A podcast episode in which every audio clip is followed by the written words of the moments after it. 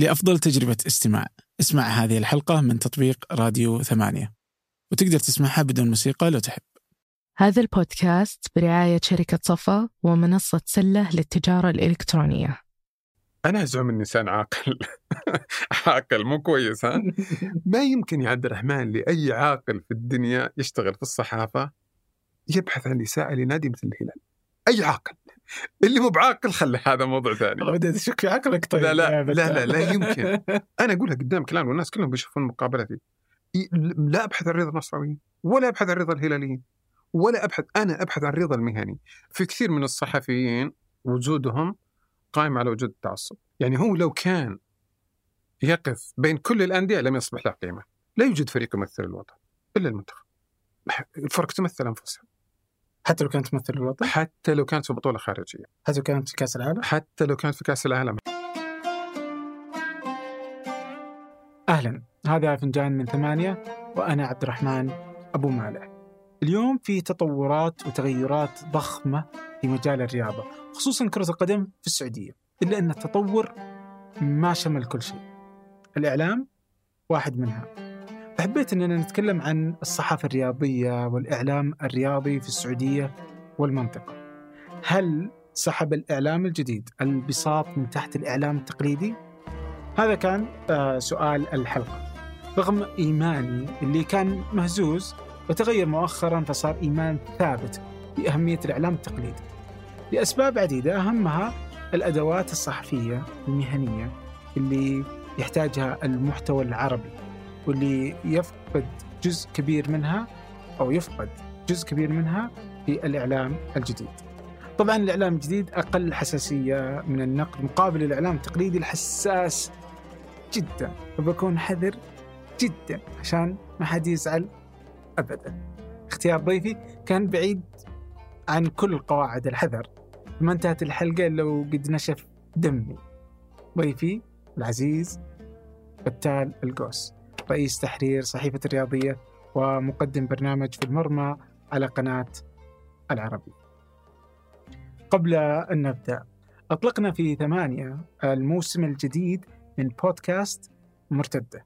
مع الزميلين عبيد الله العيسي وبندر المشرافي ومرتدة هو بودكاست رياضي يهتم بمناقشة أحداث الكرة السعودية يحاول يعطي تحليل موضوعي لمجرياتها أول بأول الحلقة الصوتية والمرئية تنشر على قناة إذاعة ثمانية في نفس الموعد كل يوم أحد. ابحث عن بودكاست مرتدة في أي من تطبيقات البودكاست اللي تستخدمها. أما الآن لنبدأ. لا أنا أشوفك ضيف ضيوفك قهوة سعودية. فأنا إي أنا ما أشرب آه، الهيل. إيه. ما الهيل عندي مشاكل معه صحيه مم. فأشرب قهوة سوداء على طول يعني.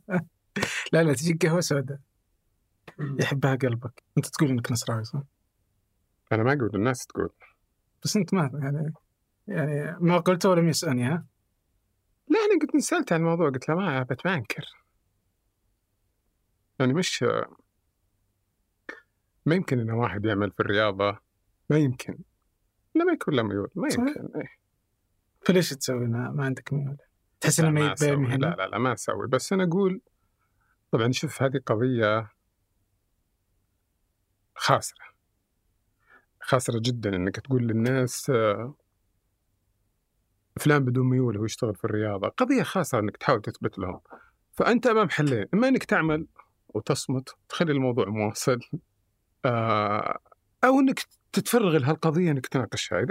إذا ف- تفرغت إنك تناقشها أنت تضيع وقتك صح. ابدا إحنا بدينا صح؟ بدينا الحين يلا. هل اخترت الرياضة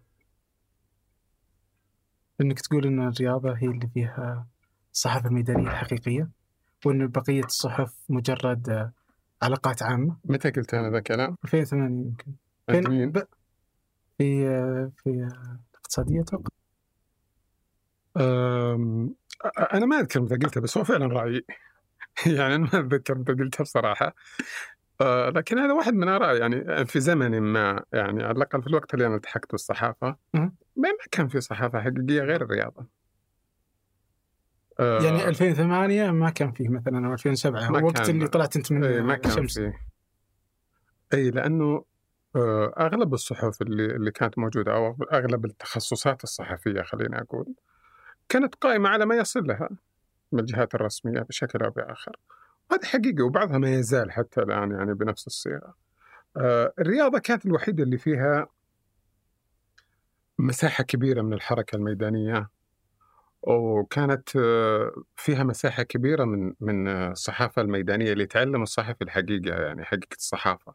وتعلم المهنة، تعلم ادواتها، تعلم شلون آه، يتقابل مع الطرف الآخر في القضية أو في في في في الموضوع الصحفي، تعامل مع أطراف متعددة، آه، الرياضة مثلا كانت آه، كثير عندها مهام خارجية صحفية مثل يعني البطولات على سبيل المثال يعني عندها بطولات مختلفة متعددة يعني آه، تلتقي فيها بشعوب وثقافات وأشياء مختلفة أكثر من غيرها من الأوساط الصحفية. سياسة بشكل مستمر؟ آه، أنا أحب السياسة ترى أكثر من الرياضة. إلى حد إلى حد كبير ومتابع للسياسة أكثر يمكن في في فترة ما. بس السياسة آه، ما كانت زي الرياضة، يمكن تطور الموضوع الآن بشكل كبير والصحافة السياسية تطورت إلى شيء إلى وتعددت يعني آه، القنوات السياسية صحفيا وتلفزيونيا و آه، على على مستوى الإعلام الجديد، لكن ما كانت في ذاك الزمن ما كانت بهذا الشكل ابدا. السياسة ولا الصحافة السياسية؟ السياسة والصحافة السياسية. بتفق معك في جزء يمكن أقول لك هو إن السياسة تطورت على فكرة ترى عبد الرحمن مش ضروري إن نتفق مش ضروري إنه نتفق ابدا. بس مو ضروري إنه نجلس آه، ناخذ لا لا, لا مش ضروري يعني إحنا إحنا لا لا ودي إنك تقول الصدق والله وأنا قاعد أقول الصدق. اخشى من إيش؟ أقول الصدق بس انه إنه أنا لما أقول شيء وأنت عندك وجهة نظر أخرى ترى ما معناته إنه إحنا يعني آه، لازم نتفق. اي بس عادي بقول لك وجهة نظري. تفضل. وشوف اذا تتفق ولا لا؟ تفضل. فنقدر نقول إنه السياسة تطورت أصبحت أكثر حيوية فيها فيها هذه اللي أنت تقول تقام شعوب وتغيرات كثيرة و خلينا نقول التقاء مع أطراف القصة أي. الصحفية. ما كانت موجودة. امم بس الصحافة يعني إذا ما كانت موجودة آنذاك هي موجودة الحين يعني. يعني الصحافه السياسيه يعني ما لا لا تطورت يعني تطورت أشياء كثيرة فيها. آه إحنا مدري ليش نركز على الصحافة السياسية. إحنا بجيك الرياضة. اي لا لا مو بس مو بس الرياضة يعني الصحافه الصحافه بشكل عام يعني. آه السياسة نفسها تطورت في أشياء كثيرة في انفتاحها على الصحافة في انفتاحها على الصحافة. وهذا الشيء موجود الآن سابقا ما كان موجود. اتفقنا شوي؟ اتفقنا شوي. بس أنا بعممه فإذا إذا إذا كانت الرياضية أنت أول تقول إنه هي اللي فيها الصحافة الميدانية وان الصحف الثانية أو أنواع الصحافة الثانية إنها مجرد علاقات عامة؟ الاستدلال عبد الرحمن وأقطع كلامك. للاستدلال أغلب الصحفيين ترى الكبار اللي في السياسة خرجوا من الرياضة. صحيح. الرياضة دربتهم. يعني نتكلم على عثمان الامير نتكلم رجل عنده إرث صحفي كبير لا شك بدأ رياضيا نتكلم على محمد تونسي آه، صحفي كبير. طبعا عبد الرحمن راشد الناس تقول إنه بدأ رياضيا ما بدأ رياضيا هو. هو راح غطى مؤتمر صحفي رياضي لأنه لأنه كان يعني آه، ما في صحفيين فأرسلوه يعني بس يغطي بس هو ما بدأ رياضي يعني هذا نقلا عنه يعني. بس آه، بس هذا المشهد سعودي بحت؟ فهذه من الخصوصية السعودية إنه الناس تبدأ في الرياضة بعدين ينطلقون أنا ما اشتغلت في دول أخرى صحفيا. أه؟ أوكي. أطالع عن صحفهم عن بعد. بس أكيد فيها أشياء مختلفة. أنت تبغى تجرنا إلى موضوع إنه هل سبب السياسة ولا سبب الصحافة؟ أكيد كان السبب في فترة من الفترات هي السياسة. أكيد بلا شك. السبب السياسة إنه؟ السياسة انفتاحها على الصحافة. آه. السبب حقيقي لا لا مو أبغى الصدق أنا أبغى أعرف سبب آه شوف أنا بحط زعم. م. ومن هنا بننطلق إنه الصحف أو الصحافة السعودية إنها متدهورة. ومن هنا أنا بنطلق. يعني إذا كانت أنت تقول الصحافة الرياضية زمان كانت ممتازة والبقية لا لا ما قلت ممتازة. في فرق بين التقييم وبين وصف الحالة. أبد, أبد. كانت أبغى أخذ نصا لا. الصحافة في لا ترى في فرق كبير. أنا أتكلم أنا أتكلم إنك أنت لما تجي تبغى تدرب واحد إيه؟ على الميدان كانت الصحافة الرياضية أوسع. لا شك. إي كانت الصحافة الرياضية فيها أدوات التدريب أكثر من غيرها. في في الميدان على على سبيل المثال. حتى في الرقابة. حتى في الرقابة. كانت الصحافة الميدانية في تلك الفترة يعني أفقها أوسع بكثير من من بقية الأوساط الصحفية الأخرى في الرقابة. وهذا يعطي ميدان للحركة ويعطي ميدان ل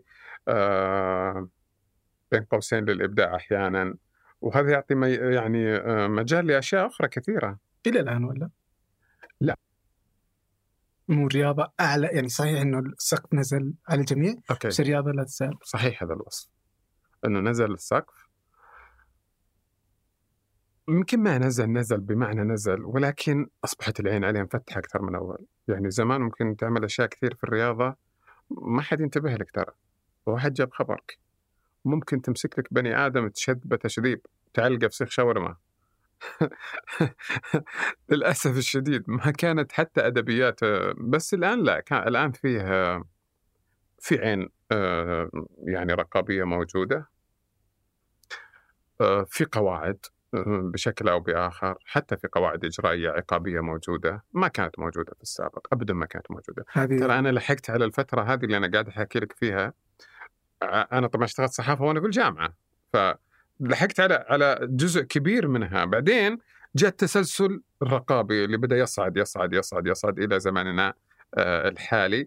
ولا يمكن ما أسميه ودي أوجد آه، مفردة أخرى غير رقابي آه، أدق وصف. يعني خلينا نقول أصبح أمام النظر. في السابق ما كان أمام النظر بصراحة. وين كان؟ كان القسم الرياضي الصحافة الرياضية كانت في مكان آخر عن العالم. ولا؟ صحيح. لدرجة إني أقول لك إنه في كثير من المقالات آه، تصدق لو ترجع لها تقولها كيف نشرت في ذاك الزمن. آه، كان في زوايا زوايا صحفية لا تنتمي للصحافة. لا تنتمي للصحافة. زوايا غمز ولمز وأشياء ما موجودة في أي شيء في الصحافة إلا في الصحافة الرياضية. وتقول شلون تمشي هذه؟ يعني أي فن من فنون الصحافة هذا؟ تسأل نفسك وأنت تقرأ. يعني فنون الصحافة كلنا نعرفها. الخبر والمقال والتحقيق و و و و و, إلى آخره. هذا أي فن منها؟ وين تضعه في التصنيف؟ ما تجد له تصنيف بس كان موجود. كان موجود لأنه لم يكن هناك عين فاحصة تراقب هذا المشهد أو هذا الوسط في تلك الفترة. بس يعني باخذ أتذكر لقائك مثلا مع الأمير عبد الله بن مساعد مين؟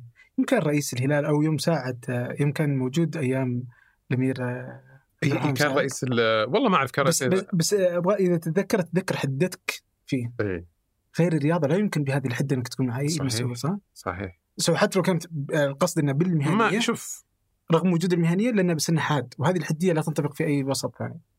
يمكن يكون يمكن يكون كوصفك دقيق عبد الله يعني زعل مني وهو صديقي الغالي جدا. زعلت ذيك الفترة بس إن تناقشنا يعني وصلنا إلى إلى إلى حلول. خلينا نقول وصلنا إلى حلول الموضوع. وهو غالي علي جدا يعني صراحة أبو عبد الرحمن. ومن أكثر الناس اللي يتفهمون يعني حتى أدوار الصحافة الرياضية. مم. طيب ودي إنك تصف لي مشهد الصحافة مو بالرياضة أو الصحافة الرياضية. الصحافة في في السعودية. كيف تجدها اليوم؟ الرياضية. لا لا كل أودي الصحافة اجمالا وإذا تبغى بعدين ننزل إحنا رياضة. نتكلم عن الصحافة الحين آه، بكل أنواعها التلفزيونية كلها، وال- كلها. وال- والورقية أو الإعلام الإلكتروني والإعلام الجديد هي تمر بفترة نشاط هائل. نشاط هائل؟ نشاط هائل الحقيقة. إحنا نقول شوف أنا أعتقد أنه آه، فترة نشاط تفتقد الكثير من القواعد الصحفية المهمة. لكن نشاط نشاط موجود هائل جدا. في قفز من آه، المعسكر الثاني لمعسكر الإعلام الناشطين يعني أنا سمعت محاضرة والله نسيت اسمها عشان بس نقول أنه هو صاحب المصطلح إعلام الناشطين. ناسي والله واحد في في واحدة من المعاهد الصحفية سماهم إعلام الناشطين وإعلام التقليديين. من يقصد بالناشطين؟ إعلام الناشطين هو الإعلام الجديد. هو إعلام لا يمكن بأي حال من الأحوال أن نقول إنه غير موجود. هو موجود. هل هو إعلام؟ فيها مو قولان أكثر من قول. ولكن هل هو موجود؟ أكيد أنه موجود. هل هو إعلام آه، يتسم أو يتصف بالقواعد المهنية الصحفية الحقيقية؟ لا. أبدا. هذا غير غير موجود. هل هو إعلام انكشف في مرحلة من المراحل؟ نعم. آه، خلينا نتخيل مثلا الدول والحكومات والمجتمعات. متى عادت إلى الإعلام التقليدي؟ في السنوات الثلاث سنوات الأخيرة. فتره كورونا مثلا. ليش رجعوا الناس للاعلام التقليدي؟ عدم ثقة في إعلام الناشطين. لأنه إعلام الناشطين أصبح يروج أشياء أنت بيجيك واحد يتكلم طب هذا مين اللي يتكلم؟ إيه، ما أدري هذا مين؟ فالاعلام التقليدي دائما هو مؤصل أكثر هو آه، صاحب مصداقية أعلى وهو عنده قواعده المهنية الراسخة هو ما يكسر القواعد ما عنده القدرة إنه يكسر القواعد الصحفية الحقيقية بس إعلام الناشطين أساسا مين موجودة عنده هذا شيء من المشهد اللي موجود الآن في الصحافة السعودية بشكل عام. الكلام طويل عبد الرحمن في موضوع الصحافة ولكن هذا جزء من الوصف للحالة اللي أنا أعتقد إنها هي الأكثر حديث الأكثر يعني آه، آه، اجتذابا للتحليل والنقد في هالفتره اللي هو ما بين الاعلام الجديد والاعلام القديم. أوكي. إذا بناخذ الإعلام القديم يعني إنك تقول هذا في فترة توهج وتشوف مبنى الجزيرة جالس يؤجر إلى عيادة؟ إحنا إحنا, إحنا قبل؟ شوي قلنا أنا ما قلت فترة توهج هذه عبارتك أنت. أنا عدت صياغة يعني. لا عاد صياغة نفسك في فرق بين انك تعيد الصياغة وإنك تغيرها. لا لا أنا أقول فترة نشاط. OK؟ فترة نشاط. إحنا نتكلم عن فترة نشاط نتكلم الآن آه الشركة السعودية SRMG نشطة جدا على مستويات عاليه قاعدة تفتح قنوات جديدة. صح. صح, ولا لا؟ هذا نشاط ولا مو نشاط؟ نشاط. قاعدة تفتح آه، من- منصات جديدة. صحيح. مختلفة. يعني بس مش م- مش آه، مش صحيفة ولا لا هذا نشاط. هذا نشاط عالي. MBC. أيضا عندها نفس النشاط. إم بي سي عندها عندها آه، يعني منصات جديدة. نتكلم على شاهد نتكلم على قنواتها الجديدة اللي قاعد تسويها. نتكلم عن احتواء واحتضان القنوات الجديده مثل الثقافية. في الفترة الاخيره هذا نشاط ولا مو نشاط؟ نشاط. تقييم هذا النشاط موضوع آخر. أنت تكلمت جزئية عن صحيفة الجزيرة. انها قاعد تأجر مبناها. هذا م... هذا جزء من ال... من الاعلام الجزيرة مجرد صحيفة ورقية. أوكي؟ وتحولت إلى ال... يعني صحيفة ورقية بشكل محدود. وأنا ما... ما... دائما ما أحب أتكلم عن الزملاء؟ لأن أنا جزء من ال- الموضوع. فمش مش مناسب إني أنا أتكلم عنه. ولكن إحنا تأخرنا كثير في الانتقال للمرحله ما بعد الورقي الصحافة السعودية تأخرت كثير بما فيهم الشركة السعودية اللي أنا عضو آه، جزء منها. تأخرت في فترة من فترات بشكل كبير وهذا التأخير قاعدة تدفع ثمنه. الآن هي تحاول أن تختصر الخطوات التي فاتت. وفي أحد ينجح وفي أحد ما يعني من الصعب جدا إنه يعوض ما فات. الجماليات المعمارية مهمة بس جودة البناء أهم وحداثة التصاميم مهمة لكن الخدمات والمرافق أهم. المهم والأهم مضمون. تملك المستقبل مع وحدات شركة صفاء للاستثمار. أعرف أكثر من الرابط في وصف الحلقة.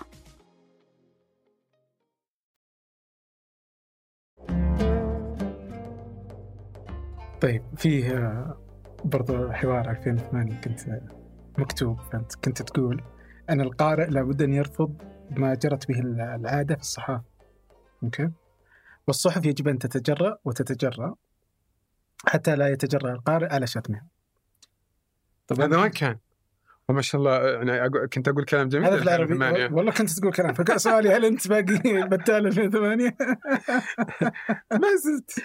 ما زلت. ما زلت أدفع ثمن آه. أي الثمن اللي دفعته؟ في أثمان كثير أيوة. عبد الرحمن يعني تمر فيك وأنت آه. يعني بس ما تحس القارئ له 15 سنة رافض رافض ماذا؟ الصحف آه، إيش يخليك ولا شيء. كذا؟ إيش خليك تقول كذا؟ يعني رافض يعني هل هل؟ تعتقد أن اليوم آه الرياضية وأنت رئيسها العربية وأنت تقدم فيها برنامجك في المرمى مم. نفس الوهج اللي كانت فيها 2008 أكيد لا وبأس بأسحب هذا ال- الوصف على أكيد بقية أكيد. شوف شوف بقول لك شيء. أول شيء تعددت المنصات. هذا سبب. السبب الثاني إحنا في زمن سرعة هائلة الناس تبحث عن السرعة أكثر ما تبحث عن أنا بقول لك آه... تحليلي أنا الخاص. الناس لم تعد تضبط ساعاتها على برنامج تلفزيوني. أوكي؟ ولكن الناس من وين تشوفك الآن؟ إذا أنت سمعت ممكن تروح تشوفك عن منصات أخرى. يعني أنا أقول لك الآن مثلا على سبيل المثال في المرمى يمكن لا يوجد أحد يمكن لا يوجد بنفس العدد السابق اللي الساعة واحدة جاء تحط بالعربية بنشوف المرمى. يمكن لا. تراني أقول يمكن هذه بين قوسين لأنها يمكن تكون 60 40 70 30 50 50 الله أعلم كم تكون النسبة. لكن هو آه، في وقت فراغه بكرة يدخل على قناة البرنامج في يوتيوب يدخل على شاهد يعيد الحلقة اللي ما يعجبه يقدم بالحلقة OK ويشوف اللي يعجبه وهذا أصبح موجود في زمان. اذا نرجع ونقول هل الصحافة الورقية انتهت؟ نرجع نقول هل التلفزيون انتهى؟ أجل المواد اللي قاعدة تنشر على ال social media من وين جاية؟ من وين؟ هي جاية من الصحافة الورقية. وجايه من التلفزيون بس هل أحد يتفرج؟ لا، لا. هتكلم الحين 70 إلى 80 وترى 70 أنا مرة يعني جاي, جاي عليهم. ترى 80% من المواد اللي تقدم في تويتر عطني مادة تقدم في تويتر ليس لها سند إعلامي واضح. ما في. 20% عشان بعد نكون موضوعيين. 20% خلينا نقول ما في يعني 20% منهم هذا مفكر ناقد يقدم نقدة من خلال آه، تويتر فقط كمنصة مثلا من خلال إكس OK أو آه، أو طرف في قضية اختار أنه يعلق عن طريق عن طريق هذه المنصة، لكن بقية الأشياء الناس ينقلون عن الإعلام ما يزالون ينقلون عن الإعلام التقليدي، ما يزالون إلى الآن. مو باللي تقول؟ إيه. والله يعني ما تشوف إنه مثلا مثلا أخبار الانتقالات عني أتوقع يعني بس كنا كلنا ناخذها من هذا الإيطالي شو اسمه آه لا مو صحيح. مو كلها. بس يعني شوف مت- شوف كم اذا نزل خبر كم عدد التفاعل كثير من الأخبار. اللي نزلها هو. كثير مثلا من الأخبار اللي نزلها نزلت الرياضية قبله. والله إي صحيح. نقدر نسوي رصد ما في مشكلة. بس أبغاك نقدر نسوي رصد ترى عبد الرحمن. ابد والله أنا باخذ كلامك على إنه صحيح. مم. ما عندي مشكلة. بس أنت شايف التفاعل اللي اللي يحظى صحيح شايف وهو تفاعل. إي إي. وتقدر تاخذ آه، في التحليل. خليني أقول لك عبد الرحمن مرة أنا كنت في مجلس. OK؟ فالرياضية عندها حساب اسمه عاجل. عاجل الرياضية من أهم حساباتها اللي تنقل بس عواجل بس ممتاز. ما تنقل مواد. فأنا كنت أرد اراسل الزملاء على خبر عاجل وهم يرسلوا لي يعني نشيك على إنه متى يصدر. أنا انبسطت مرة كنت سعيد جدا لما في المجلس يمكن ستة كانوا أو خمسة إحنا كنا يمكن عشرة تقريبا. كلهم جاهم تنبيه على رسالة عاجل الرياضية. يعني هم لما يحطون عاجل تنبيه عاجل الرياضية حقيقة كنت سعيد. كان في واحد من الاجتماعات أيضا من مسؤولين في نفس الوقت مسؤولين الجهه الرياضيه نفس الشيء شفته قدامي هذا ممتاز. تبي تقول لي عبد الرحمن في اندفاع لوسائل الإعلام الجديدة بما فيهم فابريزيو مثلا أو أو غيره؟ هذا صحيح موجود. جمهور دائما يبحث عن الجديد جمهور الرياضة على فكرة لما تقول له عندنا ست صفقات السنة دي وقعنا وخلصوا ست صفقات خلصوا ما عاد في أصلا خانة يسجل فيها. ما في صفقة جديدة؟ هم كذا دائما يبحثون عن أشياء. لكن ما في شك بأنه الإعلام الجديد متابع أكثر من القديم ولكن أنا أعتقد إنه 80% من مادته ما زالت هي من الإعلام التقليدي. إيه، بس أنا بقول لك يعني فاذا الأخبار صارت تتنوع. وممكن الحين حتى يعني في جزء آخر اللي هو أصبح المصدر نفسه قادر على نقلها. صحيح. فما عاد الأندية حاجة بحاجة إلى الرياضية أو أي قناة ثانية يستطيع إنه ينشرها هي, في هي, هي, هي المنافسة على الخبر لم, لم تعد هي المضمار الأول. ممتاز. ابدا. فقدت الصحف التقليدية. ابدا. الم... لا ما فقدتها 100% ولكن لم تعد هي المضمار الأول. ممتاز. بصراحة. الت- التحليل. التحليل ما يزال موجود. وأقل. أقل من السابق. إذا جينا نبغى نتكلم عن عن ما فقدته فقدت الكثير لا شك. إيش بقي؟ لا شك. فأنت تشوف الأشياء المؤسساتية. نقفلها؟ لا لا. بس في طيب. أشياء يعني مثلا إذا ناخذ الأشياء الصعبة اللي ما حد يقدر يسويها مثلا الوثائقيات الرياضية اللي تبغى تاخذ ما أعرف الأشياء التحقيقات وثائقات- الصحفيه إي موجودة. يعني أنا أتذكر يعني يعني في بعض الأشياء اللي حاضرة في المرمى أتذكر لك يعني بعض الأشياء. بس آه بس قليلة. وهذه لا يستطيع عليها اللي سميته الإعلام النا- الناشط. إعلام الناشطين. مو أنا الناشطين؟ سميتها بس عجبني المصطلح. ممتاز. وأيدة. واقف خلفه. ما في مشكلة. آه بس هذول ما يقدرون عليها. طيب الإعلام هالموضوع. التقليدي أو المؤسساتي من هذه الأشياء اللي ما يعني يعني ما في شك أنا قلت لك قبل شوي في مضامير كثيرة لم تصبح أنت الأول فيها. أصبح التنافس فيها على اشده. لكن مع أن أنت لا تأخذ الجزئيات ترى بس وتبني عليها قصة كاملة. أنا تكلمت بشكل عام ترى. أكيد بلا شك الخبر لم تعد يعني لم يعد السباق فيه آه لم يعد هو البطولة الأولى خلينا نقول في المضمار. لكن في جوانب كثيرة ما تزال في الفنون موجودة يعني في الصحافة. فاعطني الأشياء اللي لا تزال هي الصحافة التقليدية والصحافة الرسمية أو الصحافة الإعلام. التقليدي ككل. اللي لا يزال الثقة؟ الثقة ممتاز. أكثر موجودة عند أعتقد أنا أعتقد آه، أن ثقة الإعلام الجديد آه، التقليدي ما تزال موجودة آه، أكثر وأكثر لدى المؤسسات الرسمية لدى الحكومات لدى المجتمع بشكل أو بآخر. أعتقد أنه آه، مهارات الصحفية الحقيقية ما تزال موجودة أكثر في الإعلام هذا.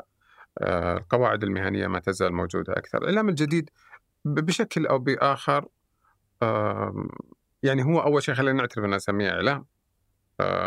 في شكوك حول هذا الموضوع. لكن بالأخير هو كيان موجود. ما تقدر تلغيه. نقدر نقول إنه إعلام بس مو بصحافة. يعني إذا شو الفرق؟ إذا افترضنا إنه الإعلام هو يعني أي أحد يقدر يكون يكون إعلامي عادي. كيف؟ إنه مجرد إنك تقدر تصل للناس. لكن الصحافة يجب إنك تت... آه، تحافظ شوف على شوف ال- مهنية معينة. في في في أصلا يبدو إنك تحب تقاطع حتى لو كنت آه، ضيف. لا لا لا. بس أحب بس يعني أستوضح. استوضحك يعني عشان بس لأني لاحظت إنك تأخذ جزئيات آه، فحبيت استوضحك ابدا إيه، إيه. بالعكس لا لا, إيه. لا, لا. هو أصلا إذا رجعنا للتعريفات إحنا بندخل في بحر عميق أي. في الإعلام عموما في خلاف كبير على التعريفات حتى اكاديميا يعني في خلاف على تعريف الموضوعية في خلاف على تعريف الحيادية الموضوعية البحثية هي غير الموضوعية الإعلامية الحيادية السياسية غير الحيادية الإعلامية يعني في كثير من التعريفات في الإعلام في جدليات حولها هذه في. وفي تعريفات أحيانا تكون متناقضة. اللي يقول لك الحيادية موقف واللي يقول لك لا الحيادية هي كذا واللي يقول لك الموضوعية هي إجراءات وقواعد يقول لك لا الموضوعية هي انت ضد الذاتية. التعريفات هذه مختلفة. إذا جينا الموضوع كما تقول لي الإعلام إنه إيش كنت تقول الإعلام؟ إنه إنه إنه أي واحد يعلم الناس ويصير إعلامي. هذا التعريف البسيط للإعلام. لكن أيضا في ناس يقول لك أي أحد يشتغل بالإعلام هو إعلامي. كيف؟ إذا أنت في مؤسسة في مؤسستكم إعلامية التي بوي اللي عندك إعلامي. كذا. كيف؟ مثلا أنا ضربت المثل يعني بالتي بوي بس ك ك ك أصغر أفراد هذه المؤسسه الإعلام. اللي يجي يقول إعلامي يشتغل في الإعلام في الأرشيف. إعلامي. بينما في ناس آخرين يقول لك تعريف الإعلامي الفرق بين الإعلامي والصحفي. الإعلامي هو الذي اشتغل في كل المنصات الإعلامية. برضو هذا تعريف مقبول صح ولا لا؟ صح. طيب وش ناخذ منهم هذا ولا هذا؟ هل ناخذ تعريف إذا أرجع وأقول لك من البداية إنه في كثير من ال- الجدليات حول المفاهيم والتعريفات في الإعلام. أبرزها الإعلام. أبرزها. من هو الإعلامي؟ وش تعريف بتال الإعلامي؟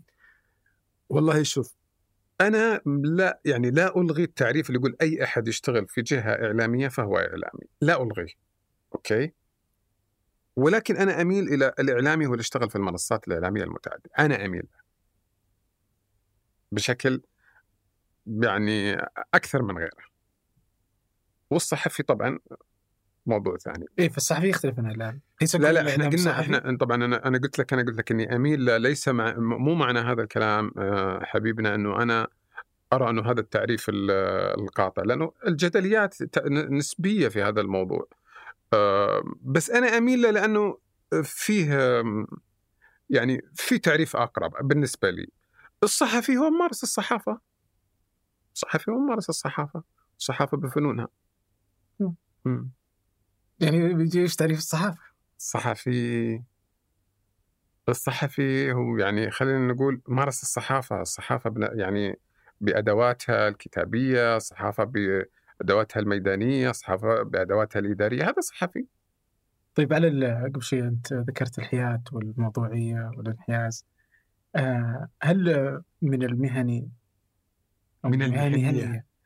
أن يكون الواحد يعلن عن ميوله مثلا في الرياضة أو حتى انحيازه. مم. ما تحتاج تعلنها في الوسط الرياضي. هي بتعلن؟ لا لا ما تحتاج تعلنها هم في الوسط الرياضي ما يخلون شيء ما يعرفونه. ب... ب... لا هو أنا ما أنا ما أميل للإعلان ما أبدا ليش؟ أبدا. آه يعني شوف هم بال... بالأخير هم بيقولوا لك آه بيجيبون ترى تاريخ من أيام ولادتك إلى اليوم أنت إيش سويت في الوسط الرياضي ما شاء الله عليهم. في هذه الأمور. ولكن أنا ما أميل له. أنا ما أميل له لأنه آه ما يهم وش ميولك. ما يهم. ما يهم أبدا. المهم أنك ماذا تفعل؟ بالصحافة. أحمد الفهيد كان قال قبل إنه آه أنا مع الصحافة المنحازة. تتفق معه؟ منحازة. يقول لو كنت بأسس لو طلبت مني إني أسس صحيفة رياضية؟ رياضية يجب أن أعلن ميولي. وأن أنحاز إلى فريق لا لا. فرق فرق عبد الرحمن بين حتى فرق بين اعلان الميول وبين صحافة منحازة. صحافة منحازة متخذة موقف. الصحافة المنحازة ضد الحياد تماما. لا أنا ماني مع الصحافة. شوف يمكن أحمد واحد هو من آه، أهم الصحفيين. يمكن أحمد آه، قصدنا من الصعوبة تطبيقها. إيه، أنا افهمه كذا أنا أفهمه. لكن آه، سالفة إنه هي الصح لا ما ما ما أتفق معها ما أتفق. إنه إحنا نؤسس صحافة منحازة. ما أتفق ابدا. يعني إذا يقول لك إذا الصحافة هدفها تجاري وهو مشروع تجاري يجب أن اعلن ميولي لأن يعني التجارة ما تجي بتوزيع ال يعني ال أني أكون عادل بين الجميع. وأنه اللي بكسبه بلعب. ما أتفق. والله؟ لا لا ما أتفق. في يعني مثلا في ماركة الإسبانية تعلن ميولها لريال مدريد وناجحه بكل تعلن ما المقاييس. تعلن الناس يعلنون. تتوقع ما تعلن؟ لا لا لا ما تعلن. لا لا عبد الرحمن ما تعلن ما تعلن. تقارير شو تقول؟ اللي تنقل عن ماركة مثلا ولا عن آس ولا تقول صحافة ماركة القريبة من آه، ريال مدريد. هذا وصف الصحافة الأخرى بس هي ما تصف نفسها. يعني أنا لما نجي مثلا أقول فلان الفلان ال ال ال الباحث في الشؤون البريطانية السع- العلاقات السعودية البريطانية مثلا. يعني هذا وصف صحيح؟ إي فهم الناس تصفها الناس ال- ال- وسائل الإعلام الأخرى تصفها.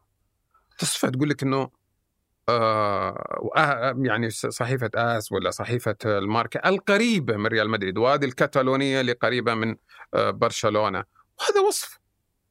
بس بس, بس هم ما يعلنون. ما في مشكلة ما يعلنون بس تقدر يعني انت شوف الماركة طيب لما يفوز برشلونة على ريال مدريد شوف ماشيتهم مدريدي؟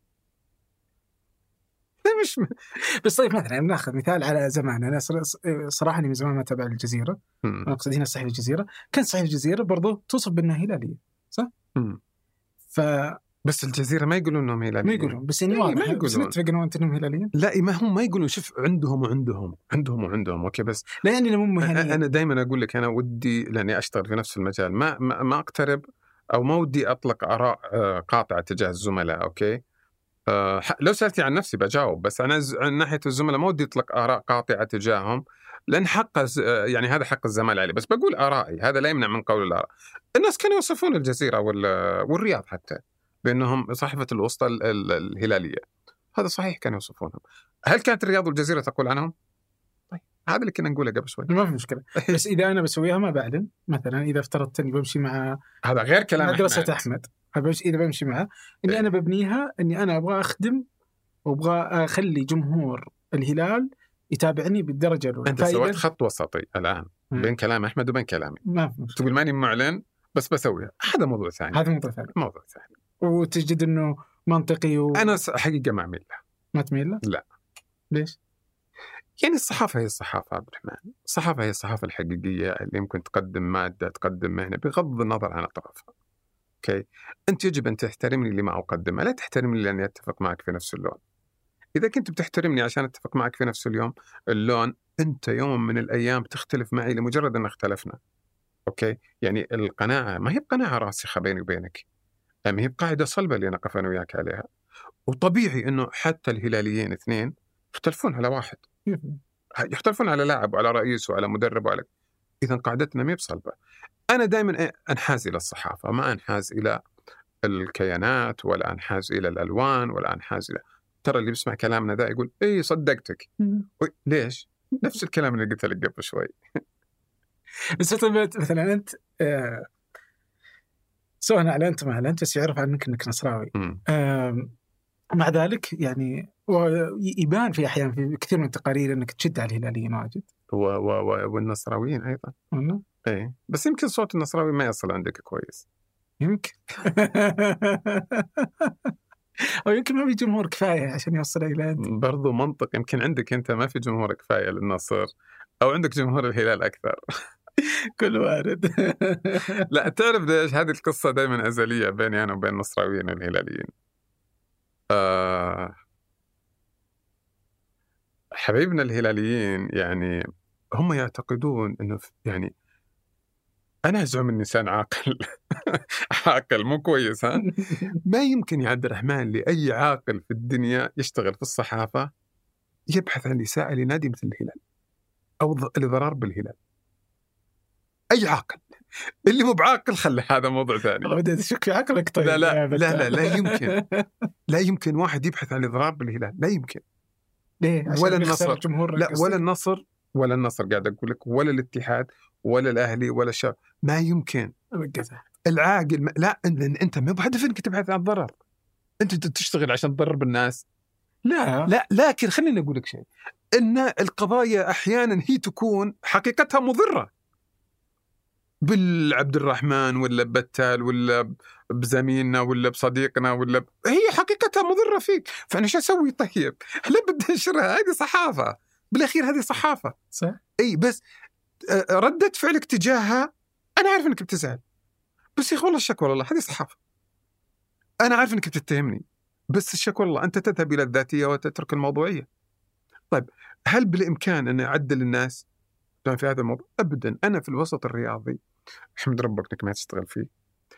آه، أتعامل مع ناس علاقتهم بكياناتهم حب قلب عاطفية الرباط عاطفي مو بعقلي. الرباط ابدا ما يكون بالعقل بين بين النادي ومشجعه. ومراية الحب عمي أنت أنت عارف هو يرى ناديه أفضل شيء. هو لما تجي تقول له اللاعب الفلاني ترى صرح ضد فريقك. يقول ما يخسر الله لا! نادينا ملائكة وأنبياء وصالحين وشهداء. ما في.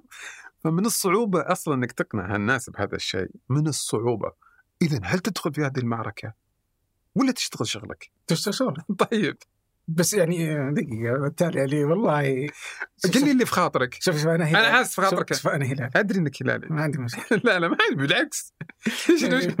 أنت بيتنا فيه هلاليين وأصدقائي هلال. على فكرة أنا في استراحة اللي في الرياض هنا. آه، سبعة هلالي سبعة آه، نصراويين وسبعة هلاليين. أظن والله العدد كذا بس يعني حول بعض يعني ما في مش... ما- وك- وعلى فكرة ترانا مع بعض تدري متى؟ من سادسه ابتدائي إلى اليوم. اي ما في شك ما في اي. يعني ما إحنا ليش نحاول نفصل نحول الموضوع إلى عقيدة؟ الناس تختلف في العقائد بس لا يعني وهذه حقيقة. حتى حد الدعوة للخلاف في العقيدة ما عاد تصبح موجود. فما بالك بال لا لا بس الكورة. اللي, اللي كنت بقوله. وبنجي للتعصب. اللي كنت بقوله إنك يعني يبان إنك ت... ماشي يعني عطني أدلة. حبيبي.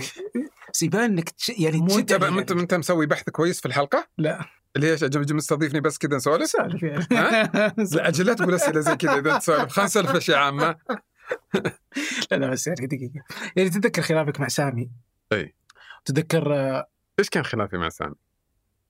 يعني يوم آه، لا تقول عناوين. لا لا طيب ال center يوم استقعدت له. لا لا لا لا في. شوف والله يا عبد الرحمن شفت؟ ترى سامي عارف الموضوع زين. مم. والله إني سألت سو- سامي سؤال كرمزية. والله يعلم الله. والله؟ شوف خليني أقول لك شيء. إحنا كنا مقبلين على كأس العالم. فكنت أنا يعني ركز معي. كنت أقول سامي إيش كان شعورك وأنت تسنتر في آه، آه، أمام ألمانيا ثمانية مرات؟ أنا والله في ذيك اللحظة أقسم بالله شوف ولا هو المفروض أقسم في ترى في لقاء صحفي لأنه يعني كثر الحلف مو بزين. فكنت قصدي الرمزية رمزيتك أنت ككابتن كيف أنت هل كنتم تشعرون بألمنا إحنا كسعوديين بالخسارة القاسية هذه؟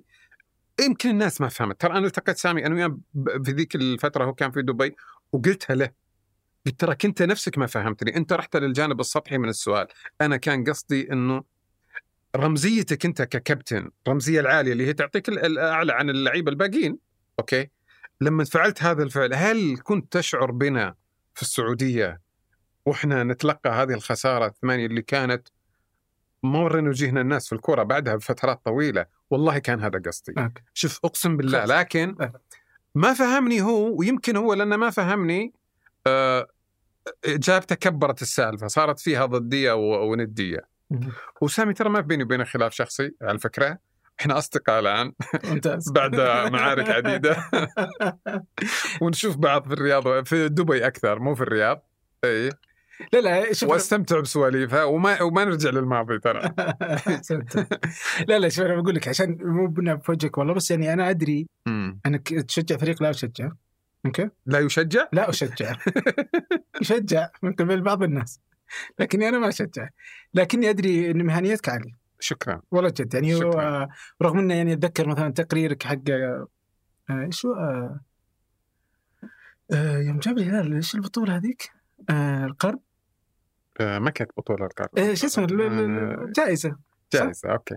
يعني ورحت لقيتها في شقة ما موجودة. أوكي. كان على رائع. فكرة هذه. صار كان رائع بالنسبة لي. اي الحمد يعني وأنا هلالي. أوكي. فما عندي مشكلة. وأنا أتفق على أنت هلالي هلالي. هلالي هلالي. تشوف مباراة هلال. شوف بس. أشك والله. والله؟ إيه. يا شوف كيف شوف يعني شفت كيف؟ لا لا أشك إنك أشك إن عندك لا، لا، لا, لا، اشك عندك. وقت تشوف كورة أنت. لا لا بس الهي- يعني أنا أحس الهلاليين يزعلون منك. لأنك آه، حاط آه، حيلك عليهم. طيب. بقوتك إيه، ما أقول إنها يعني بأساليب غير مهنية. لا لا لا. الحمد لله. بكل مهنية. بس إنك ما تسويها مع الفرق الثاني. لا. والسلام عليكم. لا والله عبد الرحمن تعرف أنت لانك هلالي عايش في إطار الهلاليين كويس في في محيط الهلاليين ت- ت- يحق لك تقول ذا الكلام. وترى طبيعي لو أنا معكم بقوله.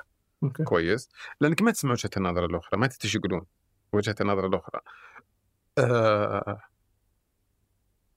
أنا في موسم واحد النصراويين هاشتاقات وسب وشتم وكل شيء. ط- ترى على فكرة لما أقول نصراويين سب كل ترى جمهور الانديه كذا. ترى كلهم يتشابهون. كلهم زي بعض. ما في حد فرق عن الثاني. فروق بسيطة بس. الاتحاديين نفس الشيء. الأهلاويين نفس الشيء. يا أخي الأهلاويين يروني واحد من أسباب الهبوط. ما أدري ليش. أنا مالي دخل عشان يعرف ماجد النفيعي. وماجد النفيعي طبعا يعني آه، صديق وعزيز وكل شيء. بس ترى ما عرفته إلا لما صار رئيس. ما أعرفه قبل. ما عرفته إلا صار رئيس النادي. آه الاتحاديين نفس الشيء. هو كل جمهور الأندية كذا بس أنت عايش في محيط الهلالية لأنك هلالي وتسمع ويمكن ت... ت... آه، للهلال موسيقى خاصة في إذنك وهذا طبيعي عند كل مشجع. فتسمعها من هذا الجانب. أيضا جانب آخر. خلينا نتكلم عن الشكاوي اللي توصل لرؤسائي أنا سواء في العربية ولا. توصل من الهلاليين أكثر أنا أشوف. كويس. ومن النصراويين يمكن يحنون علي. إيه. يمكن يحنون يقولون يعني بالأخير يعني يشفع له. كويس.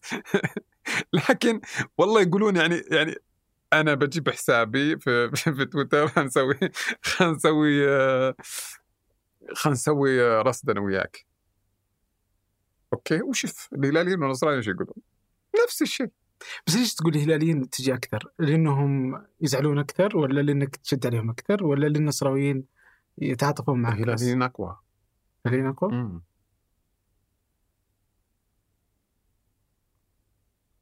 السؤال الثاني بس لا لا صدق طيب هل تشوف كل الأندية بأن- لأنك أنت اللي يصلك الهجوم، كل الأندية يجيك الهجوم منهم بالتساوي؟ بالتساوي ككمية بس كفاعلية لا. صراحة. انت أنت بتخلي شكاوي تزيد انت بعد لا لا والله حاولت يعني أفهمك أكثر بس. ودك تبدأ تجارتك الإلكترونية أو تتوسع في تجارتك الحالية؟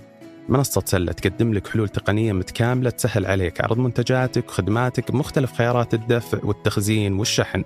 كله بضغطة زر. انشأ متجرك الآن وانضم الآلاف التجار من الرابط في وصف الحلقة.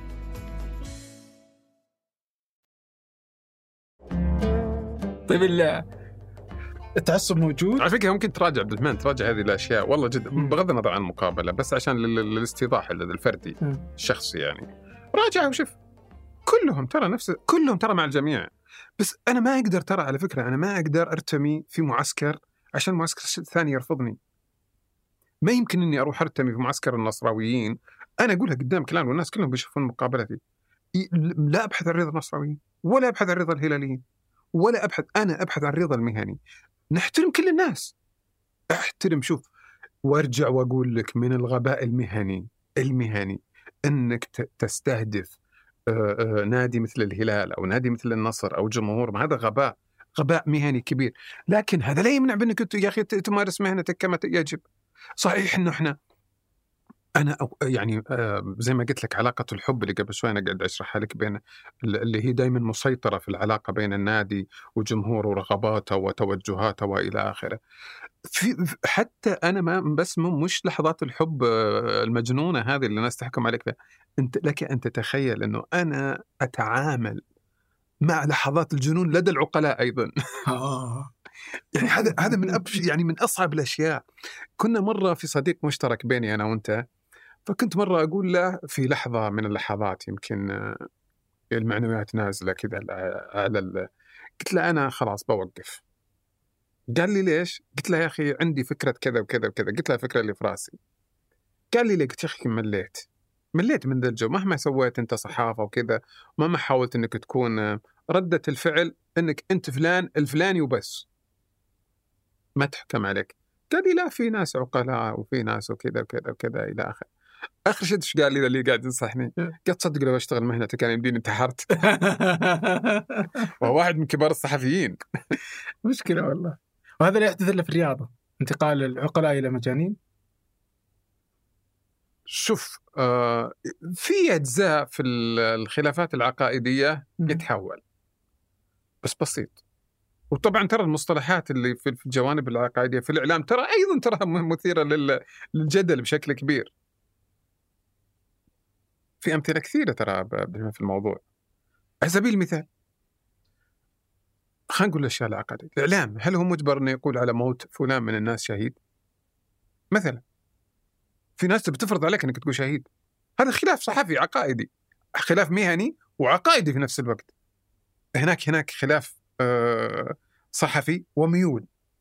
والميول أحيانا يتحول إلى عقيدة ترى عند كثير من الناس. عجيب طيب آه وش آخر مباراة شفتها؟ بما إنك هلالي. شفت الهلال والشباب 2011 لا، صدق- صدق. شفت الهلال والرياض المباراة الأخيرة. إيه. 90 دقيقة. يعني ما نعرف إيش تبي؟ إيش تبي؟ إيش تبي توصل له؟ لا لا بس ما مصدق إنك تتابع كورة. ليه؟ ما أدري كذا. ما عجبك؟ كثير أنا عندي من أصدقائي ترى يقول أنا هلالي أنا نصراوي. تسترد ما أدري. آه. أنا واحد ما كنت. أتجادل أنا واحد في من زملائنا يقول قبل فترة خلينا ناخذك ميدان ثاني. كان يقول لي النصر جاب صفقات أحسن من الهلال. حلو. والنصر آه آه مساعدينها أكثر من الهلال. مساعدينها. أوكي. وهذه الصفقات ومسكتين ب... قلت له طيب من الصفقات اللي جابها من الهلال؟ سافيتش وين يلعب قبل؟ قال ما أدري. قلت له برو... روبن وين يلعب؟ قال ما أدري. قلت له "إيش طيب؟ يعني مالكم وين يلعب؟ قال ما أدري. قلت طيب وحق النصر؟ قال "آه، عارف بروزوفيتش كان يلعب في الإنتر. ساديو ماني كان يلعب في ليفربول. طبعا ما جاء من النصر من ليفربول جاء من بايرن ميونخ. ورونالدو عارفه كلنا وين يلعب. تجي تجي تقيس على هذه ال- ال- المعلومات كلها معلومات نقلية ترى. يعني هو يقول لك النصر أفضل ولا الهلال أفضل بدون ما يدخل في التفاصيل. هذا كثير في الرياضه كثير بعد تويتر. في كل المجالات أعتقد إنه لا والله في الرياضه طاغي على الأقل خليني أقول لك لأنه ميداني يمكن عشان لأني قريب منه. بالعكس يعني. آه. طيب كنت أقول لك ال- الآن التعصب. سم. آه، هل الإعلام هو اللي اجرى التعصب ولا التعصب هو اللي ابرز الإعلاميين؟ عملية مشتركة. والله. عملية مشتركة. في كثير من الصحفيين وجودهم قائم على وجود التعصب. هم يغضون التعصب لأنه يحمي وجودهم. يعني هو لو كان يقف بين كل الأندية لم يصبح له قيمة. فلما صار ضد أو آه، يحمي أو أو يحاول إنه يحارب وضد مع قضايا ناديه بس كويس صار له موقع في المدرج هذا بس في المدرجات الثانية هو ما عنده موقع هو ما يبحث أصلا عن الموقع لأنه يعرف إنه لن يصل التعصب يعني هو ملح الكرة وشيء موجود مهم ولا هذا الكلام يردده كثير مو رياضيين ولا يعني مرض يجي هو؟ موجود موجود شئنا ما بينا هو موجود هو زين في. ترى على فكرة في المدرجات آه هو التعصب هو واحد من درجات الحب أنا بالنسبة لي العالية جدا. آه اللي لا ترى العيوب ترى المحاسن فقط. قد يكون ذلك. التعصب ل... ل... ل... ل... لمن تحب هذا شيء آه من أعلى درجات الحب. التعصب هو جزئين. أنا ب- في ظني هو قائم أو واحد من دوافع الحب وواحد من دوافعه كراهية. تجاه الآخرين هو كراهية وتجاه آه، من تحب أكيد آه، حب قاطع. أنا أعتقد إنه كثير من الإعلاميين آه، التعصب يحمي وجوده وهذا واضح بشكل أو بآخر. ارتماء في حضن مدرج معين آه، يحافظ على بقائه لأنه لا يملك الأدوات اللي هو يثق من نفسه في نفسه من خلالها. ما يمكن بأي حال من الأحوال أنك تقنع أحد متعصب ترى في هو في كل مكان. جماهير آه، جماهير آه، روما أظن آه، الإيطالي كان عندهم لاعب إسرائيلي فرفعوا علمه في المدرجات. في نفس المدينة عندهم مين؟ رفعوا علم إسرائيل. في نفس المدينة لاتسيو الفريق الثاني في المدينة. أوكي. المباراة اللي بعدها رفعوا علم فلسطين. ما عندهم لاعب فلسطيني. ما عندهم أصلا. فهذه مواضيع ال- ال- الضدية والندية اللي موجودة بين المدرجات. أنا أشوفها عادية في المدرجات. ما في أي مشكلة. هي متى ما انعكست على التقييم الحقيقي للعمل سواء العمل الإداري أو العمل الصحفي أو العمل تجاه المنتخبات أو العمل هذه هنا لازم نقول stop لازم يكون في أحد لازم يكون في أحد حازم يوقف الموضوع بس في المدرجات ما في مشكلة أوكي.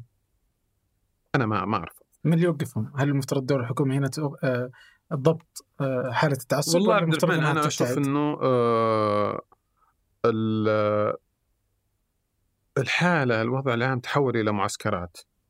كويس. وما في أحد في الوسط في هذه المعسكرات يدير هذه العملية ايا كانت رتبته سواء حكومية أو اجتماعية أو حتى رياضية. ما في أحد مقنع ما في أحد قدوة في هذا الموضوع يقوم بهذا الدور. آه، القواعد الصارمة لما يمس الخطوط ال- ال- الحمراء أو الخطوط الحساسة يجب أن تكون موجودة. وش الخطوط الحساسة؟ يعني المنتخب الوطني. أوكي. لابد. يعني المفاهيم لابد تكون واضحة. المنتخب هو المنتخب ما حد يشابهه كفريق المنتخب هو من يمثلنا جميعا. المنتخب اللي هو أنا والدي ما يحب الكورة ما ما يتابع كورة. ولكن إذا جافنا جالسين ونشوف قال من يلعب نقول له السعودية وكذا. قاعد ثاني فايزين. ما يحب الكورة بس إنه في شيء دماء تتحرك يعني لل- هذا الوطن. يعني منتخب لابد أن تكون لازم لازم نقول ستوب للجميع عندما تصل إلى مرحلة المنتخب. لابد. ولابد أن تسن قوانين في هذا الموضوع. وأنا. أرجع وأقول إيه ولابد أن تكون المفاهيم واضحة. أنا وجهة نظري وهذه زعلت ناس مني وما زلت أنا مؤمن بهذا الشيء. لا يوجد فريق يمثل الوطن إلا المنتخب. ليه؟ الفرق تمثل أنفسها. حتى لو كانت تمثل الوطن؟ حتى لو كانت في بطولة خارجية. حتى لو كانت في كأس العالم؟ حتى لو كانت في كأس العالم. هو هذه الوحيد؟ هو يفرق. هو الفريق هذا يمثل نفسه. عندي تعاطف أوكي؟ ولكن أرى أنه في نف في ذيك اللحظة يجب عدم الإساءة أوكي؟ يجب لا يكون هناك احفظ لسانك. على الأقل يعني لا تشجع بس احفظ لسانك أوكي؟ لكن تجي تقول المنتخب لا يوازي شيء. مهما كانت المشاركة. إيش يعني مثلا إذا أدى أداء سيء ما أقول إنه أدى أداء لا سيء؟ لا أنا اتكلم عن اتكلم عن جمهور الإعلام. إعلام لا. الإعلام حتى المنتخب قال لنا سيء. إذا أدى. إيه. ما في مشكلة. فوين الخط الأحمر؟ لا لا أنا أتكلم عن الخط الأحمر اللي آه، مشاكل الأندية اللي يتم نقلها وتصديرها للمنتخب. المشاكل اللي تصير في المنتخب ويتم آه، آه، تفسيرها بأن يعني دوافعها من الأندية. هذه أشياء. الصحافة اللي اللي ممكن تلصق بلعيبة المنتخب أشياء غير موجودة فيها. محاولات التفرقة بين لعيبة المنتخب بشكل أو بآخر كويس حتى في حتى في المعلقين حتى في أشياء كثيرة لا المنتخب يمثلنا كلنا يا أخي أنا مرة شفت مباراة يعني ما قد شفت في حياتي صراحة يا أخي أحد في العالم العربي يشجعون منتخبات بلدهم زي المصريين والمغاربة.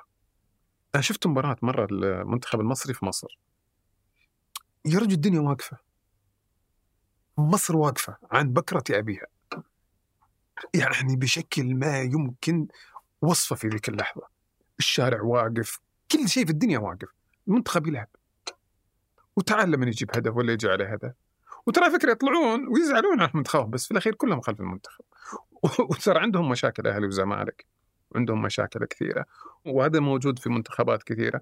يمكن إحنا ما نقول الأوروبيين آه، أقل في النظر إلى منتخباتهم بهالشكل لأن الأوروبيين أغلب أغلب لعيبتهم يلعبون في أندية غير محلية دائما فالولاء لها ما يظهر مع إنه آه، أجيب لك مثال مثلا آه، سيلفا لاعب مانشستر سيتي البرتغالي أوكي؟ فسووا معه مقابلة مقابلة تختار فلان أو فلان يعني يقول لك لشبونة آه، بنفيكا ولا بورتو يختار. فكان من ضمن الأسئلة قال له إيزيبيو اللي هو أسطورة البرتغال ولا رونالدو اسطورتهم في كأس العالم بس مش أسطورة يعني مقارنة برونالدو. فقال رونالدو لا شك بانه أسطورة البرتغال على مر الأجيال وأعظم من لعب كرة القدم في العالم. كويس؟ بس أنا أميل لزيبيو عشان من النادي حقي. يعني وحنا عم نسوي له هم مسوي له مجسم على بوابة النادي. فهذه موجودة يعني هذه التفريقات البسيطة موجودة في كل مكان.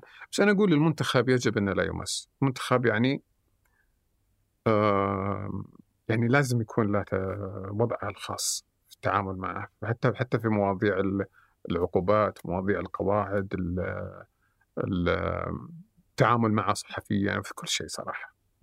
بس ليش ليش ليش استبعدته؟ يعني أنا خليني بقول لك شيء في بالي استبعدت إيش؟ يعني خليته على الجنب إنه لا يمكن أحد إنه خصوصا من الإعلاميين أو الصحفيين إنه يتكلم عليه. لا أنا النقد ما أمنعه. لا لا لا لا ما يمكن أرفضه. فأنا أتوقع لا قلت لك شهادتك الان بوضوح إي خليني بقول لك. إي. إيش اللي يمنع انها تكون ما ينطبق على المنتخب ينطبق على كل الأندية؟ لا. إذا انت إذا أنت اتهمته بما ليس فيه تعاقب بالقانون يعني بغض النظر يعني إنه نروح نسن قوانين جديدة. أنت اتهمته هل عندك دليل؟ عندك دليل. أنت رجعنا للسؤال اللي بداية تراك سحبتنا الأفكار من أبد ما عليك يعني بس دخلت لا سحبتنا الأفكار كثير. بس إيش رأيك في هذه الفكرة؟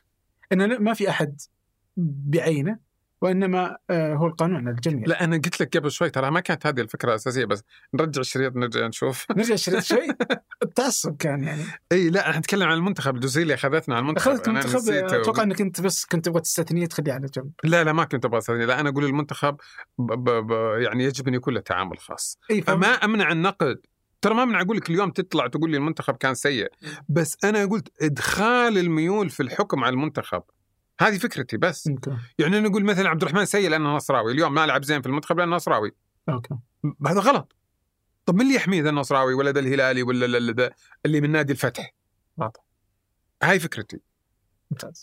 وبعدين عرجنا. طيب إيش رأيك في من يحكم؟ هل مثلا أتذكر إنه كان في مجلس الشورى طالب آه، رفع توصية أو شيء زي كذا والله اني ناسي. المهم آه، إنه ودهم إنهم يسنون قانون لضبط التعصب وعدم تشجيع تعصب في, في الإعلام وكذا.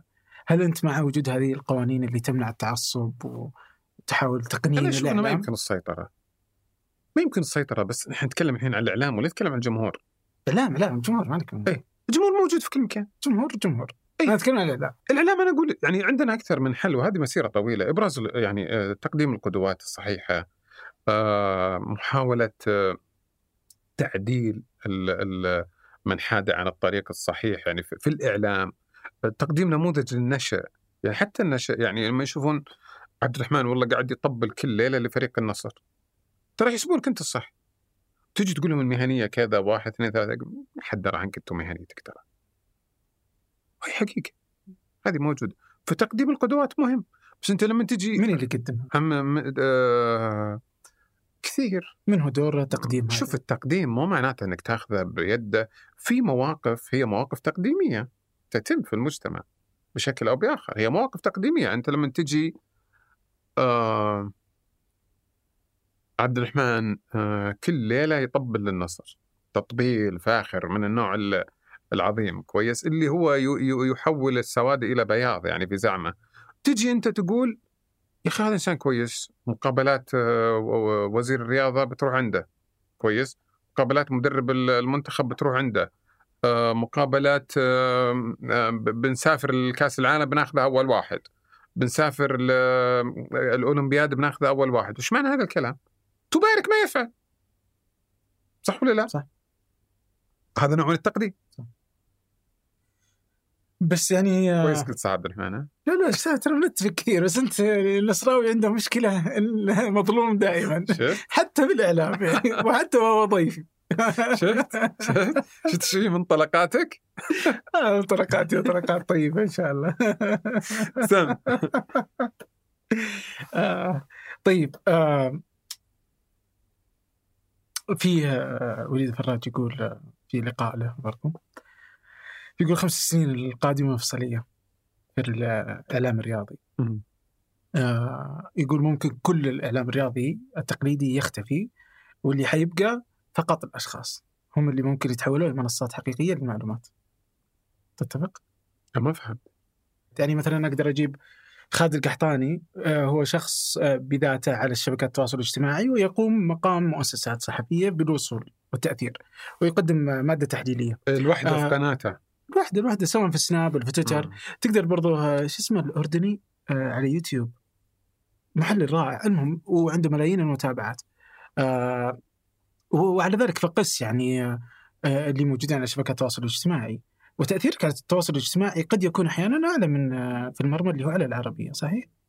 ما ما عندي مقياس ثابت. يعني نقدر نمشي في الفرضية هذه. لا لا بس إحنا تقول بس القاصد لحظة أتوقع أن قصد ترانقل عنه يعني. لا أنا بسألك سؤال الحين على موضوع ال- ال- المشاهدات المليونية أو كذا أو المتابعات المليونية. أنا عندي متابعات مليونية بس بقول لك الكلام.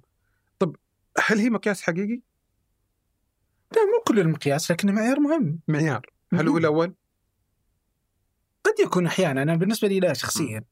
أوكي. طيب بس بس عندي سؤال. بس متأكد إنه في كل قيادات الإعلام ما عندهم متابعات مليونية. معلش ما فهمت. كل اللي يقودون المؤسسات الإعلامية في السعودية. في السعودية خلينا نقول ما عندهم متابعات مليونية. مثل؟ آه... تكلم مثلا أساسا مثلا زي أبو خالد ولد إبراهيم ما عنده حساب في تويتر أصلا. آه إيه، بس انه يعني يختلف. أوكي. يختلف دورة أوكي واحد من قيادات ال MBC علي جابر ما عنده متابعات مليونيه ما في مشكلة يختلفون بس يعني مو ليش؟ ما هو. عبد الرحمن راشد هل أحد يشك في قامته قيمة وقدرا وتاريخا وارثا صحفيا لا لا. حاضرا وماضيا؟ لا. ما عنده متابعات مليونيه ما في شك. اي طيب هل بس بس بس, بس لو أنت. بتقدم برنامج وما يتابع أنا متأكد إن عبد الرحمن راشد في العربي بيحذف برنامجك. لو ما يجيب آه، متابعات آه، مليونية ما لو كان آه، لا. لا الحين هذا موضوع أنا أتكلم عن المتابعات المليونية هل هي مؤشر؟ هل بس ليش يحذف حقيقي؟ البرنامج إذا كانت فيه مؤشر مهم؟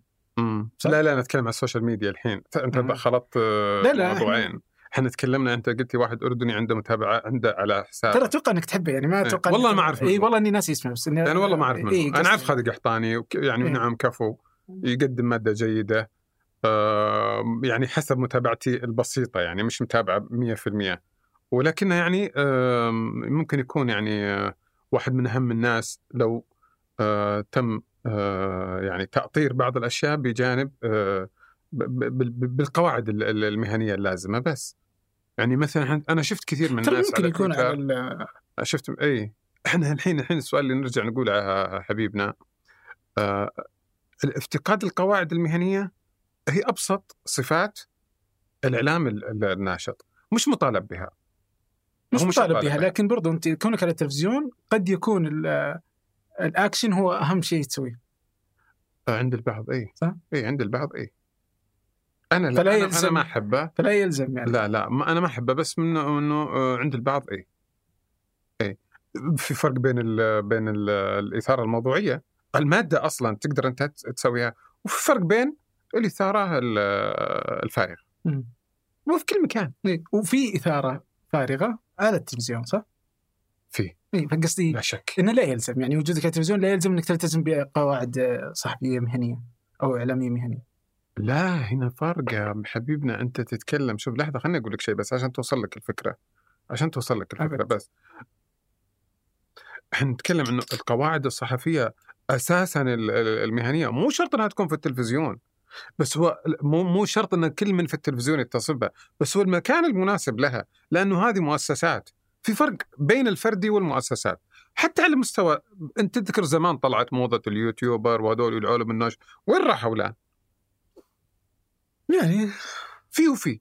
في من اختفوا ومن استمر على صح البساط صح. بس أغلب من استمروا اللي ما راحوا مؤسسات. اللي ما راح مؤسسة اللي راحوا مؤسسات. الغالبية العظمى اللي تحولوا إلى مؤسسات. الجانب الفردي منهم أغلبهم اختفى أنا عندي وجهة نظر إنه حتى الإعلام الناشط هذا متى ما تحول إلى مؤسسات بيكون إعلام حقيقي. آه. بس إنه ال- ال- ال- المشكلة وش هو؟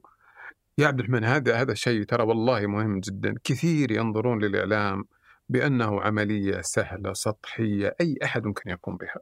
من الخارج كذا لما ينظر له نظرة مخازن بس لما تدخل في عمق الإعلام من الداخل هذه عملية معقدة. إلى ابعد الحدود. ترى أنت ممكن تقابل مع مسؤول كبير ومع مسؤول صغير ومع رجل الشارع هو ينظر الاعلام نفس النظرة هذه. بس تعال قل له ترانا سوينا هذه كذا لكذا. فما يدري إن هذه العملية. تمت بهذا الشكل ومرت بهذه المراحل حتى تصل له. وهذا شيء هذا شيء من الأسف الشديد أه... تكاد تكون نظرة عامة في الفترة الأخيرة تجاه الإعلام للأسف الشديد. يجيك واحد يقول لك إيه أنتم اعلام أنا بالتليفون سويت الهوايل إحنا ما نلغي وجود مثل هؤلاء الناس لكن لابد أن نعرف إنه الإعلام أيضا مهنة لها قواعدها ومهنة لها آه، إجراءاتها ومهنة لها حدودها ومهنة لها قيمها. ما يصلح أنت تقول والله واحد جاء أمس صحى من النوم وفتح له حساب على سناب انه صحفي؟ ما يمكن. إحنا ما نلغي وجودك أنت موجود أنت موجود لكن لست صحفي.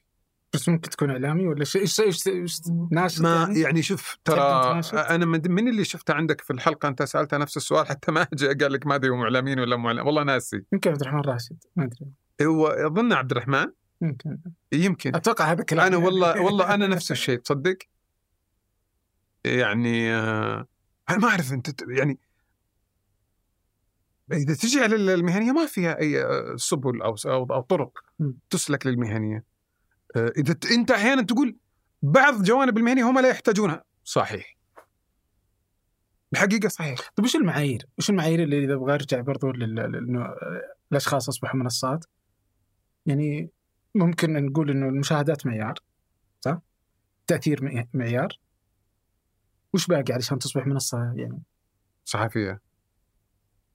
صحفي أو يعني. يعني هي الخطوط والله يعني تحس إنه الموضوع متشربك يعني بشكل أو بآخر.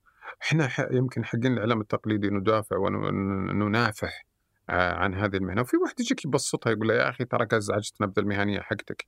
وش المهنية ترى ما درى عنها إلا اثنين ثلاثة وماتوا. خلاص ما بقي منهم أحد. فأنت ت- ت- لما تجي تنظر للمشهد تقول والله عنده جانب يا أخي من الصحة. صدق ترى ما حد درى عن المهنية اللي أنت قاعد.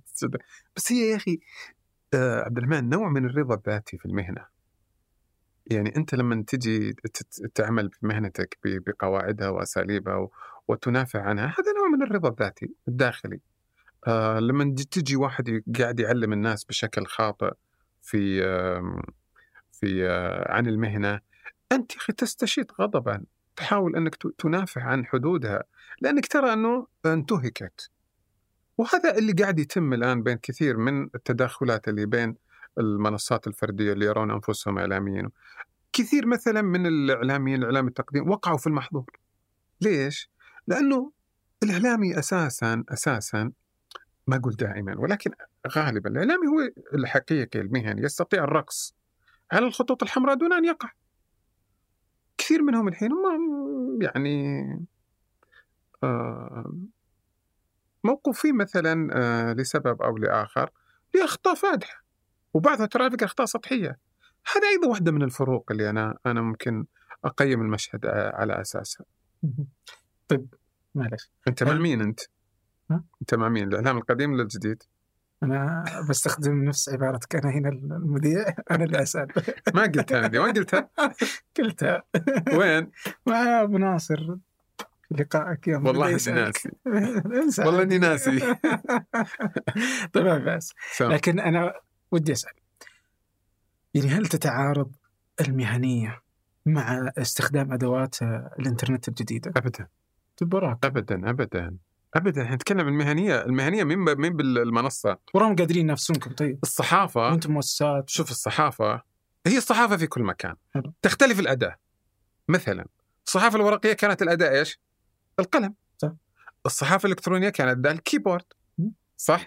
الصحافة التلفزيونية الكاميرا والمايك الاذاعيه هي الصحافة الأداة تختلف بس إحنا نتكلم آه، الحين يقول لك مثلا ال- ال- الموضوعية ما هي اشتراطات الموضوعية أن تقف مثلا على آه، نقطة آه، من البعد متساوية بين طرفي القضية آه، أن آه، تنقل الخبر كما هو بدون تدخل من رغباتك الشخصية آه، ومنافعك الخاصة آه، أن تكون قريبا من المشهد لتنقله مثلا هي كثير طبعا الاشتراطات البعض يقول إنه إنه حتى فيها اشتراطات فرعية اللي هي لابد أن لا تنقل عن ناقل. أوكي في اشتراطات كثيرة. هل هذه كتابة الخبر الصحفي يعني إحنا وصلنا مرحلة خلينا نتكلم على موضوع الصحافة الإلكترونية. وصلنا في مرحلة من المراحل في البلد أي واحد عنده لابتوب ويفتح موقع يقول أنا رئيس تحرير. مرينا ذي الفترة ولا لا؟ بعدين جت وزارة الإعلام سوت تنظيم. سووا تنظيم في ذيك المرحلة. إنه آه لا إن لا هذه من يفتح لهم اشتراطات التالية. وصار في تنظيم. حنتكلم عن الخبر حتى.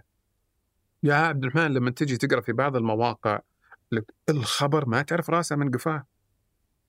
يعني حتى الخبر هذا لما ينسج كخبر الخبر يفرق عن التقرير. الخبر لابد أن يبدأ بفعل لابد أن يبدأ ب lead ما في تفاصيل ثم المتن تكون فيه التفاصيل ثم التصريح ثم الخاتمة يكون فيه background لما سبق. هذه الأشياء ما, ما تكتب بشكل أو بآخر. ال ال العناوين أو المانشيتات في الصحافة ما يجب أن يكون فيها حرفين جر، الصورة في الصحافة ما تبدأ من اليمين، ال- ال- ال- المانشيت ما يكون فيها أسماء موصولة، هذه قواعد مهنية، هل هي موجودة في الصحافة الإلكترونية؟ أنت تدرى أنت ما أنت إعلامي بعد. هذه طيب هذه هل كسرت هذه القواعد؟ طيب أنا أسألك سؤال من الجهة الثانية من المعسكر الثاني، هل هي مهمة؟ أساسا ولا لا؟ يعني هي هل هذه القواعد مهمة ولا كسرها؟ ترى ترى ما كسرنا الملة. بيقول لك واحد.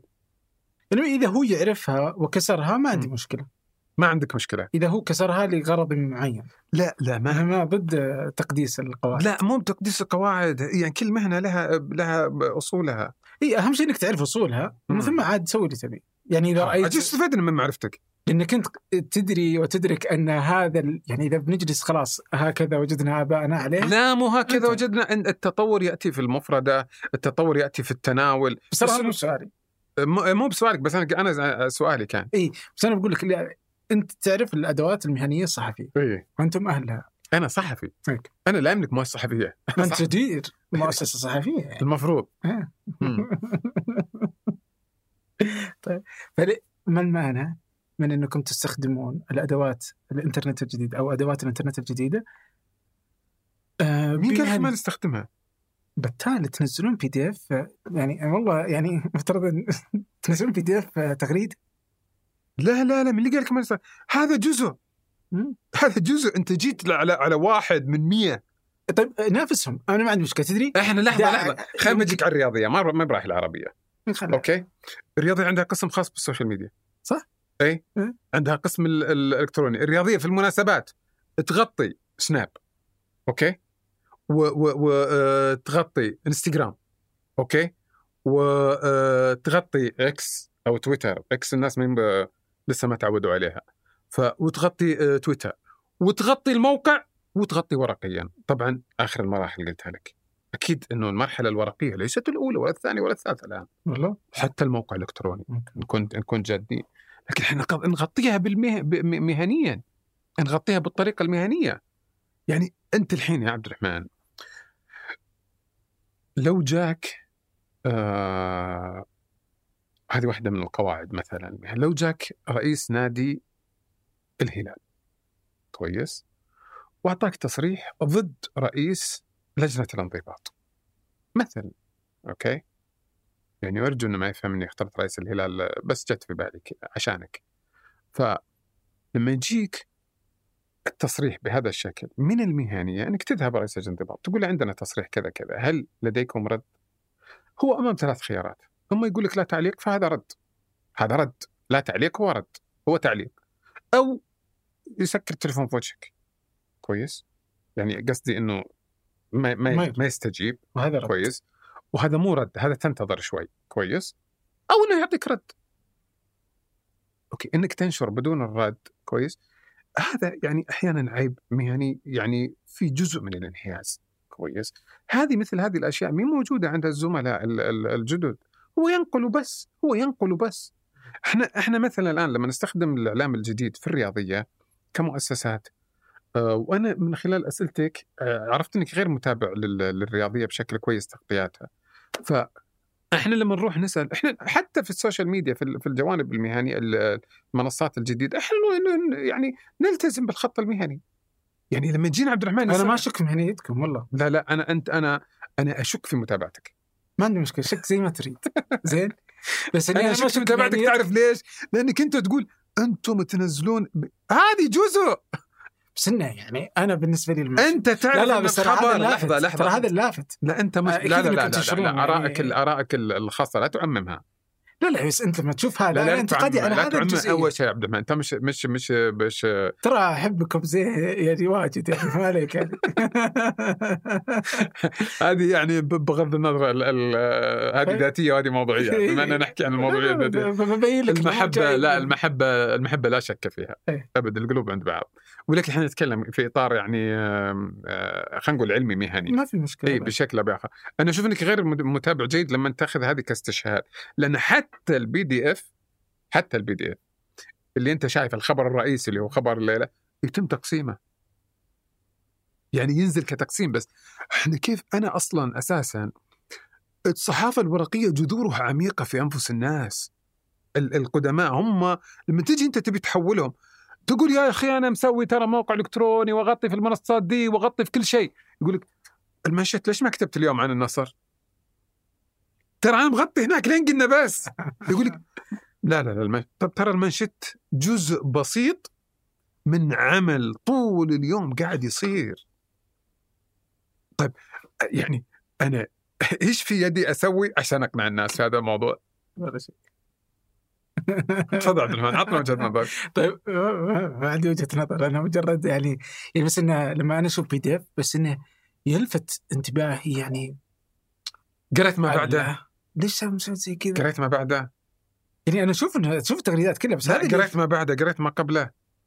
يعني شفت إيش منزل اي أنا اشوفكم تنزلون تنزلون كثير وترتبوا انت كثير. إيه، لا ما رتبت والله كثير. أنا أنا أنا بالعكس مشغول بالعمل أكثر من رتبت لا لا لا. فالقاصد إني أشوفها. بس هذيك عادية لأنها العادية فأنا ما نظرت لها. بس هذه اللي لفتتني في إيه، معلش قل لي الجزئية اللي عندك احتجاج عليها. وجود بي دي اف في تغريدة بس. طب إيش- لافت لافت ما عندي احتجاج. بس طيب يعني طيب وش ال- شيء- وش وش نقطة أو مصدر دهشتك؟ يعني إنك تنزل صورة الصفحة الرئيسية زي ما هي يعني هل باقي أحد يقرأ؟ يمكن أنت عندك معلومات أنا ما. أدركها أنت تنزلها أول شيء أنت ما عندك حد ائتماني لموضوع التغريدات إيه، أوكي. سوي لي فأنت تنزل الصفحة الأولى ثم تفصلها خبريا ليش؟ ليش؟ بما أنت لو اشتغلت في الصحافة الورقية الورقية حتحب شيء اسمه الإخراج الصحفي أفهمك والله شوف رغم هذا-. هذا واحدة من أمتع فنون الصحافة. أوكي؟ من أمتع أمتعها. ومن أعظم رؤساء التحرير اللي هو دائما يرسم بنفسه. مثلا زي محمد تونسي. تخيل رئيس تحرير يمسك الماكيت حق الصفحة والمرسم ويرسم. الصفحه وأنا ما اشتغلت مع عبد الرحمن مثلا ولا عثمان صحافة ورقية. ما أدري والله هم يرسمون ولا لا. ولا قد سولفت معهم بس هم طبعا الثلاثي اللي ولا خالد المالك يعني ولا مثلا تركي السديري الله يرحمه. يعني رموز صحافتنا ال- الورقية كانوا ومنهم من تحول بعدين إلى إلى صحافة العصر الجديدة وانسجم معها ومنهم من توقف. ف هذا ن- واحد من الفنون. إذا إحنا إيش المانع يا حبيبنا إن نقدم هذا الفن في تغريدة صفحة بي دي اف ثم نذهب نفصل أو فصلنا قبله ونزلنا استمتع بإخراج الصحيح الصفحة وبمنشدتها ثم الخبر وزعناه لك أنت اللي ما تحب الصفحة الأولى على تغريدات أخرى اقرأها مباشرة واستمتع فيها بذوقك. هذا ذوق وهذا ذوق. لكن لم نقدمه ترى على فكرة كعنوان رئيسي للجريدة. لم نقدمه كالعمل الأبرز للجريدة. لكن ما عمل ما نقدر نتجاهله إحنا يوميا عندنا على سبيل المثال عندنا شيء اسمه صورة اليوم. ينزل على تويتر. تعرف ليش سويناها؟ ليه؟ سويناها لأنه عندنا كثير من الصور مثلا نحب نستثمرها. غير الانستغرام غير ونبي نشجع الصورة واحد من أجمل صور الصحفية فنون الصحافة. وفي مسابقات عالمية لها وفيه وفيه وفيه طبعا آه، آه، آه، خلينا أم، من الأشياء اللي قل تأثيرها في الفترة الأخيرة. لكن الصورة شيء يعني في الصحافة شيء عظيم. المصورين لا يقلون إن لم يكن يتفوقون في الصحافة على الصحفي نفسه. يا أخي صورة واحدة عن ألف خبر. طيب إحنا في في هالفتره هل هذا الفن موجود؟ حاولنا نحييه ترى على فكرة الشركة السعودية ال SRMG كان عندها يوم من الأيام مجلة بس خاصة بالصور. إيش كان اسمه؟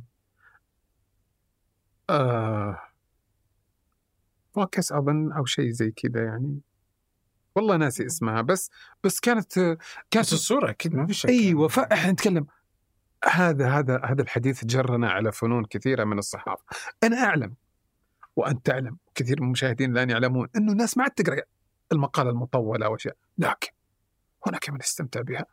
السؤال أما تزال تقرأ روايات؟ الرواية كم؟ 500 صفحة. أقل رواية 200 صفحة أو 220 مثلا. بس نستمتع. بس لها وقتها الخاص. الخبر المطول ما أصبح عنده قارئ بس التقرير الصحفي الذي أنا ما أقول لك تحول الجريدة ثلاث صفحات كلها تقارير و وكل تقرير 500 كلمة أو 400 كلمة. لا. لكن لا بد يكون هذا موجود. خله موجود. أوكي؟ جزء من السلطات وجزء من الأطباق اللي موجودة على السفرة اللي يبغى ياكل واللي يبغى يحطه في في الثلاجة وياكله بكرة. ما في مشكلة. بس هذه الفنون موجودة. يجب لا تموت.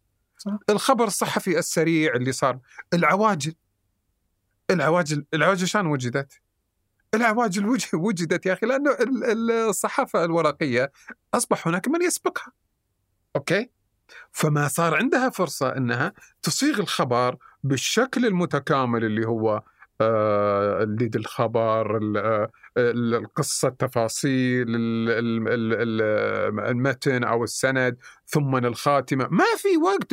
الناس عندهم عرفوا الخبر وأنت تكتب ذا الخبر. أصبح هناك عواجل في الصحافة وفي التلفزيون. صح فأيضا الصحافة قاعدة تطور نفسها من خلال أدوات جديدة تحاكي العصر. ليش إحنا لما ننزل الصفحة الأولى وننزل الصفحة الأخيرة ولا نغطيها بهذا الشكل؟ يقول لك آه، شو اسمه آه، أخطيته.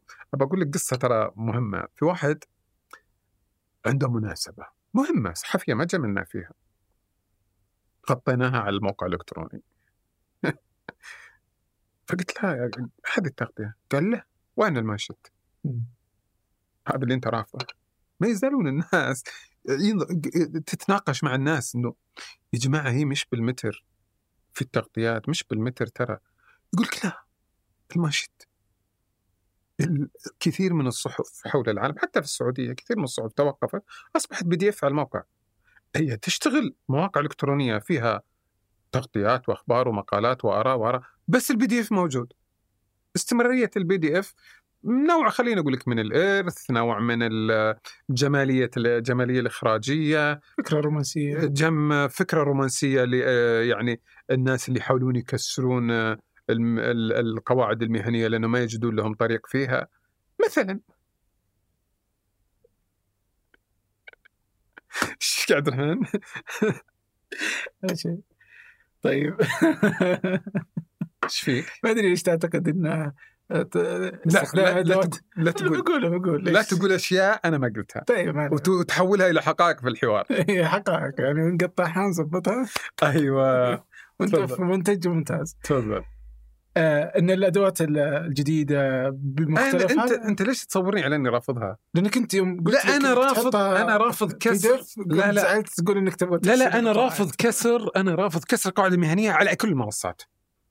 اشتغل بأي منصة تبيها بس لا تكسر القواعد. بالقرآن طيب إي بس هذه مهنة. ابد بس يعني اللي حط ال- الفكرة ذي تقدر تطور عليها على فكرة ترى الفكرة الوحيدة الفكرة ت- بضرب لك مثال. في الشرق الأوسط واحدة صحيفة عريقة جذورها في التاريخ يعني كمدرسة. style الشرق الأوسط لا تكتب ب style لا تكتب مثلا الاقتصادية هم في نفس الشركة. صح. ليش؟ المتلقي الأهداف تختلف الشرق الأوسط عندها لغتها الاقتصادية عندها لغتها الرياضية عندها لغتها. style book الرياضية مختلف عن style book ال- الشرق الأوسط. تماما. يعني حتى في كتابة الشهور أبسط شيء. هذه الأشياء اللي أنا قا- قاعد أقول لك ترى ما ينتبه لها القارئ العادي. هذه من الاشياء يعني لا للتخصص كل المهن. عبد الرحمن لا تروح بعيد. نعم. الآن على التيك توك مثلا ولا على سناب كم عدد الناصحين طبيا؟ كثير. أوكي؟ مهنيين؟ لا. شكرا. إيه. أنا ممارس للرياضة محب وممارس الرياضة حتى الآن. حلو. كويس. وأهتم بال يعني لدرجة الهوس بالتغذية وال... وأشاهد كثير من الأشياء. ماني بقول لك إني أنا مد- بس أنا بالخبرة من سنين. و... وأسأل أطباء مختصين بالمجال. كثير من الأشياء اللي تقال غلط. وكثير من الأشياء اللي تقال متناقضة. اذا إحنا لازم نحافظ ترى في كل المهن على قواعدها. أنا على فكرة أنت لا تفهم إن الت- التمسك بال... بالقواعد ضد التطور. لا تفهمه ولا أرجو إنه ما يفهم أحد من مستمعينا. ابدا مو ضد التطور. أنت ممكن تتطور ولكن الحفاظ على الهوية هوية لا مش الهوية حتى الهوية مش ما عندي مشكلة فيها. أنا أتكلم على قواعد المهنة. شيء ضروري جدا. يوم أطلقت شمس هل جوك آه، صحفيين آخرين من الصحف الثانية وقالوا إن اللي أنت تسويه غير مهني؟ وإنك جالس هذه م- لما كانوا؟ حابين آه، موضوع ال tabloid. بس على فكرة ال tabloid ليست ضد الصحافة م- مهنيا هي ال tabloid عرفت في الصحافة الغربية بأن ال tabloid صحافة فضائح مم. okay وليست صحافة رصينة ولا صحافة آه، رسمية ها- الحجم عرف بهذا الشكل أخذت عنه صورة يعني زي الألوان يا عبد الرحمن الألوان في صورة عنها. اللون الأحمر في صورة عنه كذا اللون الأخضر إلى آخره. يعني في هي- صور نمطية في أذهان الناس. أيضا صحافة التابلويد كان في صورة نمطية عنها. كان هذا اختلاف بيننا وبين كثير من رؤساء التحرير الكبار في ذيك الفترة. بس مو معناته ان ما كنا مهنيين. فأنا ما قلت إنك ما كنت مهني. بس بالنسبة لي آخرين كنت ما أنت مهني. لا. لا؟ لا. طيب يا اخرين في نقطة شوف في نقطة فيها سوء تفاهم بيني وبينك في في الموضوع للآن. يمكن. أنا لا أبغى أقول لك بحدد لك شيء. إحنا مش ضد الحفاظ على القواعد المهنية ليس ضد التطور. هذه. لازم نتفق عليها. القواعد تتطور لحظة لحظة خليني أقول لك شيء. المنصات تتطور. كويس؟ القواعد ليست قرآن مقدس والدليل الدليل. يا عبد الرحمن في قواعد أساسية وفي قواعد فرعية. القواعد الأساسية هي الصحافة.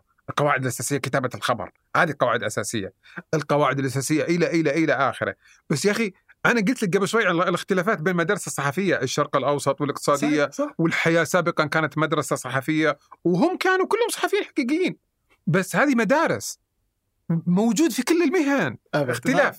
ما, بنختلف أبد. تحمست أنا طيب شوي. إيش رأيك في اختلافك مع أبو محمد مع داود؟ آه إيه.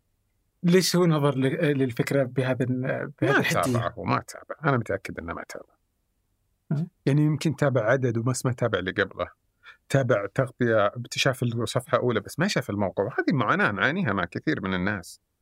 إنه يجي يقول لك زي ما قلت قبل شوي يقول لك المانشيت. يا أخي المانشيت ترى حالة تتم الساعة 12 بالليل بس. الباقي ما قبلها في أشياء كثيرة غطيناها. الناس ما تتابع هذا الشيء. مش أنا ملزم ترى على فكرة ان ندق بيوت الناس ونقول ترى كتبنا هذا الشيء. أكيد ان من ملزمين. وفي نفس الوقت آه الناس آه لهم الحق يعبرون عن آرائهم ولهم الحق يعبرون عن آه ما يرونه صحيح سواء داود أو غيره. لكن إذا وضح لهم كويس فالحق حق ان يتبع. سواء آه معي ولا ولا ضدي أيضا أنا ما عندي مشكلة ترى يا عبد الرحمن آه يعني ما أعتقد إني أنا إنسان يعني آه أرفض الرأي الآخر، أنا في في في في, في الصحافة لي سنين بالعكس تقبل كل الراي، لكن قدم لي رأيك بصيغة تعبر أو تنبي عن الاحترام، لا تتبجح ولا تنتفخ على الآخرين كأنك أنت تعلم كل شيء وهم لا يعلمون. ناقشني بكل احترام وأناقشك بكل احترام. سواء أنا اختلفت وبعدين زي ما قلت أنت في البداية هي ترى قواعد مش قرآن مقدس يعني إذا كسرناها بندخل النار. لا ترى ممكن أنا وياك نختلف بس كلنا محترمين. ولا شك. أوكي اذا لا تتبجح وأنت تقدم رأيك للناس ولا تنتفخ على الآخرين. قدمه بكل احترام ونحترمك. وحتى ممكن ما نرد. نقبل وما نرد. انت عندك انك تقول انت ما عندك مشكلة مع اختلاف واضح عندك مشكلة مع اختلاف. مثلا. وين هذه الحلقة أنا قاعد أناقشك. أنا قاعد أناقش يعني الحين أحس إذا إذا لحظة لحظة لحظة. أنت تبيني أقبل بس رأيك عشان أثبت لك إني مش مختلف معك؟ نعم. نعم. لا. بس أحسك جاي ما أدري يمكن النصر ما أثر عليك ما أعرف والله. بس بس جاي النصر كويس الفترة شلون ياثر عليه؟ المفروض تأثيره إيجابي طيب هو. هي النصر هي شفت إنك ما تتابع. ما هي شفت إنك ما تتابع لا لا ما. تتابع ما يعني- ينفع يعني كاني ما لحظة، لحظة. تابعت كاني ما تابعت حطينا- يعني النصر من عرفته مظلومين مظلومين ها إيه. شوف المظلومية في الوسط الرياضي شعار دارج عند كل من ما يكون كويس اليوم الهلال ما هو مظلوم دائما يعني. ما يظلم. يظلم طيب يعني. هذا ترى هذا اعتراف خطير ضدك مو لصالحك لا لا ابدا الهلاليين موضوعيين. إي بس هذا أقول لك هذا اعتراف خطير ضدك مو لصالحك. مني أنا ما أمثل كل الهلاليين. تمثلهم؟ ما أمثل. أقول لك أنت تدور الزلة. لا لا تدور الزلة. وانت خابرني كفو يا. لا لا والله وأنت كفو 60 كفو. طيب آه شو اسمه ليش ما في صحف أو آه مشاريع رياضية جديدة؟ طلعت في المشهد يعني خلال الفترة الماضية. بينما تقدر تشوف آه مشاريع في مجالات ثانية في الثقافة ولا في الفن ولا في ال- آه حتى ممكن أحيانا في السياسة إلا الرياضة. يعني رغم إنه شعبيتها عالية ممكن مم. يكون فيها فلوس أكثر إلا إنك ما تقدر تشوف مشاريع مستقلة جديدة في في المجال الرياضي. نتكلم على مستوى المنصات. مستوى المنصات. يعني مثلا زي ثمانية ما هي مشروع رياضي هو مشروع آه، يعني تقدر تسميه ثقافي. بس وفي مشاريع كثيرة في مجالات مختلفة لكني ما أتذكر آه، مشروع رياضي. فليش هذا الغياب نتكلم على مشروع رياضي إنه منصات جديدة طلعت SSC مثلا. مشروع جديد. okay. لا بس هذا مشروع مو مستقل. يعني آه، مؤسسي تابع لوزارة الرياضة أو تشرف عليه وزارة الرياضة. آه، أظن كان. كان. يعني بس إنها من رحم بس هذا مشروع جديد. إيه. أوكي هذا مشروع جديد. بس أنا أقصد مستقل. آه يعني ما أعرف والله وش وش الأسباب. يمكن رؤوس الأموال? ما عندها ثقة في المشاريع الرياضية. يمكن يمكن هذا واحد من الأسباب. يمكن أيضا الرياضة دائما تدخل آه، ضمن التفاصيل وليست عنوان مستقل. مثلا ثمانية. آه، يعني زي ما قلت أنت مشروع ثقافي آه، إلى آخره. ولكن يستضيف رياضيين. صح. أوكي ففي داخله ال- الرياضة وليست عنوانها العريض.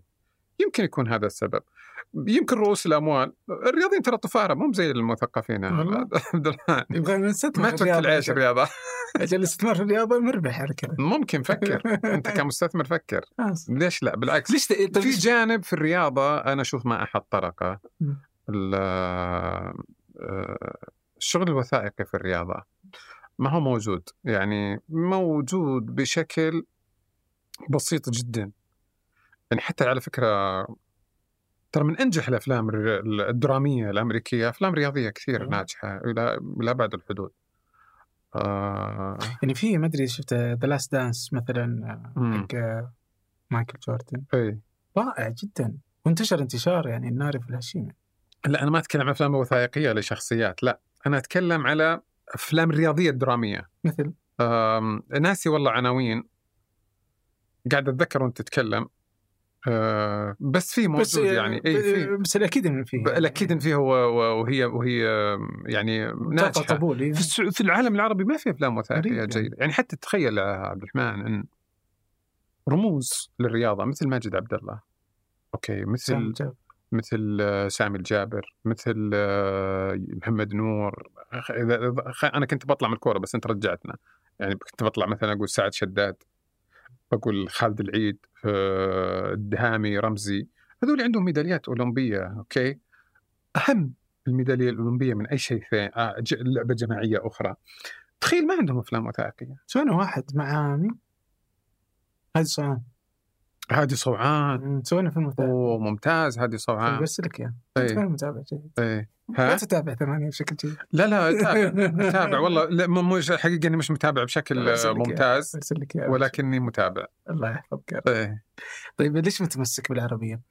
أنا بقول لك ليش عندك فرصة وظيفية عندي فرصة وظيفية أبد.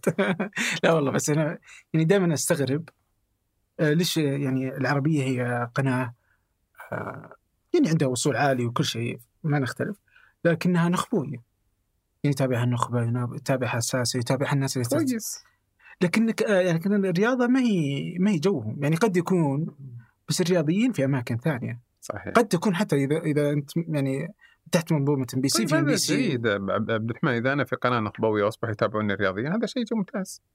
إي بس أنا يعني ما كنت ما جت يعني هذا الشيء- ليش تمسكت في العربيه أنا أحب يعني يمكن MBC 1 والله أنا يمكن يمكن الوصف آه، أنا أحب الرياضة ما في شك ما ما أنكر هذا الشيء. أحب الرياضة ممارسة وأحب الرياضة متابعة. ولكن إذا جينا لجهات الإعلام أرجع وأقول لك وصف لزميلنا صالح خليف الله يذكره بالخير كان دائما يقول أنا صحفي يعمل في الرياضة. وليس صح ولست صحفي رياضي أنا إلى حد ما شبيه بهذا القول خليني أقول لك أنا أحب الصحافة بشكل أحب الصحافة بشكل ما ااعرف أشتغل غيرها. حاولت أكون بزنس مان وفشلت فشل ذريع. عشان كذا كنت بعدين أقول لك تحت الهواء. ف آه، ما يعني ما يمكن أكون آه، ما أعرف غير هالمهنة. ما أعرف يعني اشتغلتها وأنا طالب في الجامعة وتدرجت فيها من بالصحافه الورقية الإلكترونية المنصات إلى آه، الإعلام التلفزيوني يعني كانت خطين مسارين متوازيين ما بين الصحافة الورقية والتلفزيونيه في نفس الوقت. وحتى اذاعه اشتغلت. ما في منصة يعني إعلامية ما اشتغلت فيها. فأحبها وأستمتع فيها.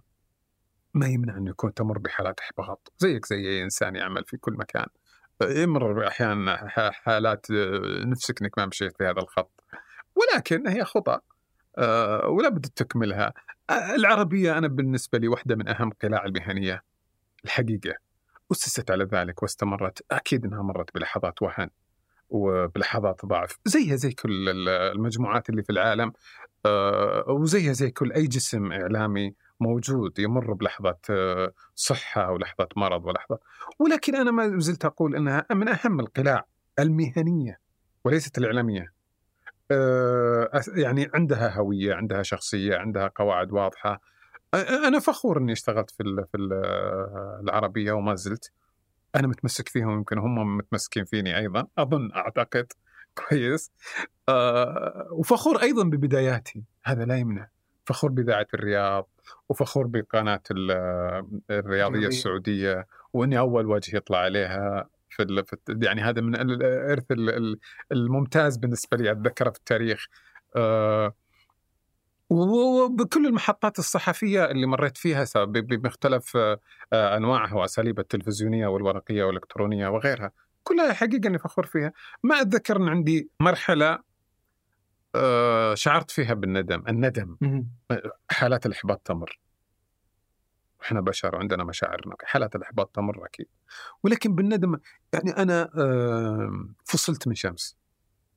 يعني خلينا نقول آه، عندي صديق دائما أقول له يا- لما أقول له يا جو- يوم فصلني وزير الإعلام من شمس. قال يا أخي قل لي مطرت سمي الأسماء بأسمائها سمي الأشياء بأسمائها المهم حتى في ذيك المرحلة ما ندمت. ماذا؟ ما ندمت. يعني ولا ندمت على أي شيء سويته. ولا يمكن وتسألني تقول نشر الرسومات ما ندمت. اطلاقا ما ندمت. بالعكس أنا اعتبره عمل مهني عظيم. حتى لا ما زلت اعتبره عمل مهني عظيم جدا. وما زلنا يعني و... و... وعلى فكرة عمل مهني أنت ما سألتني بس أنا جاب الحديث بعضه. اي بالعكس. عمل مهني آه، استكمل آه، شروطه المهنية في النشر.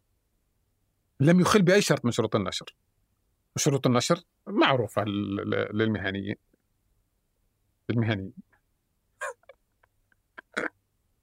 يعني. بس بس في أماكن مثلا.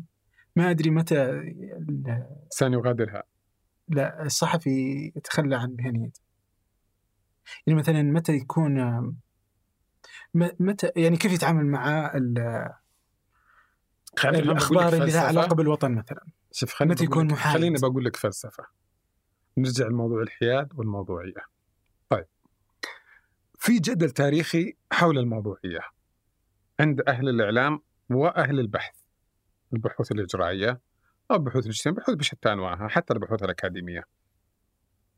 في دائما خلاف بينهم على موضوع الموضوعية. إن ال- ال- ما بين الحقيقة وما بين ال- النموذج التخيلي الجميل. الناس في كثير من يقول لك الموضوعية يجب أن تكون موجودة.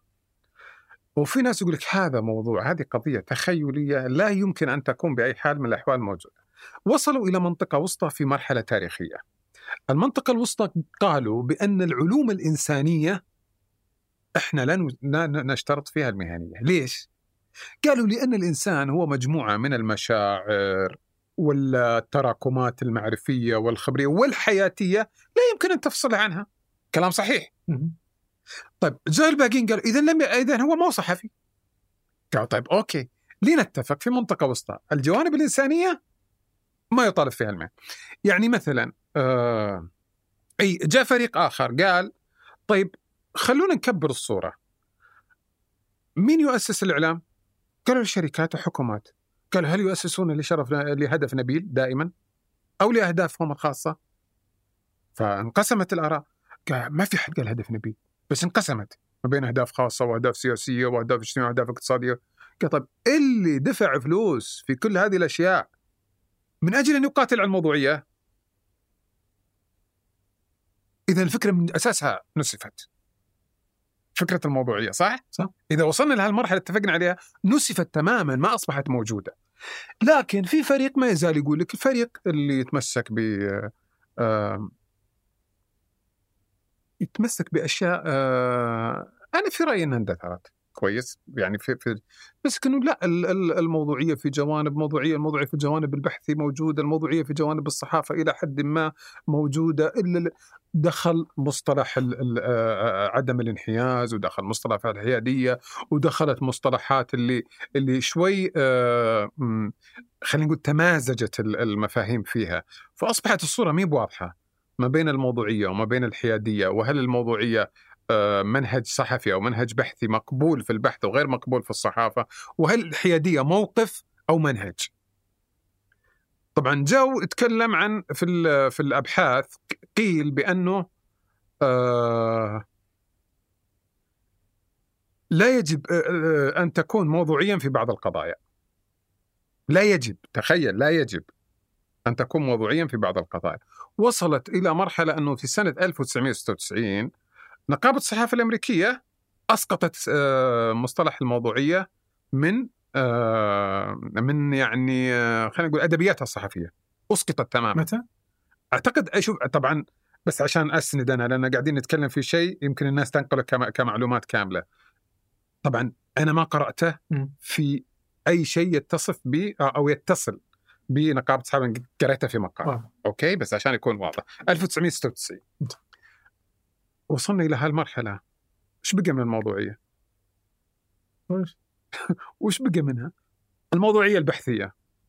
موجودة الموضوعية البحثية. هي ضد الذاتية. موضوعية في النقاش. هي ضد الذاتية. أنا لما أجي أقول عبد الرحمن أنا وياك قاعدين نناقش فكرة. أوكي؟ بس أنا قاعد أقول يا أخي وش أنت أنت أصلا أصلا بالله آه، هذا شكل برنامج وانت طالع مسوي كذا. رحت الذاتيه أنا وتركت الموضوعية. هذه موجودة. أوكي؟ الاختلاف دائما أقول لك زي ما قلنا في بداية حديثنا الاختلاف وتداخل المفاهيم في الإعلام ترى كبير جدا جدا جدا. تخيل أنه في المو... في ال...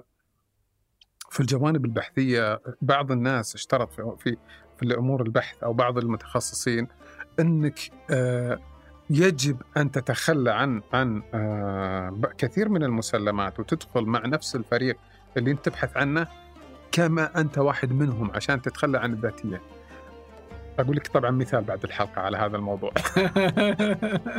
ننهي الحلقة عشان تقول لي لا هذا شيء يعني في في قد يعني مر عليه في موضوع البحث الاجتماعي. آه. واحد كان يبحث عن فئة من الناس فاضطر انه يشاركهم نفس التفاصيل عشان عشان يكون موضوعي. آه.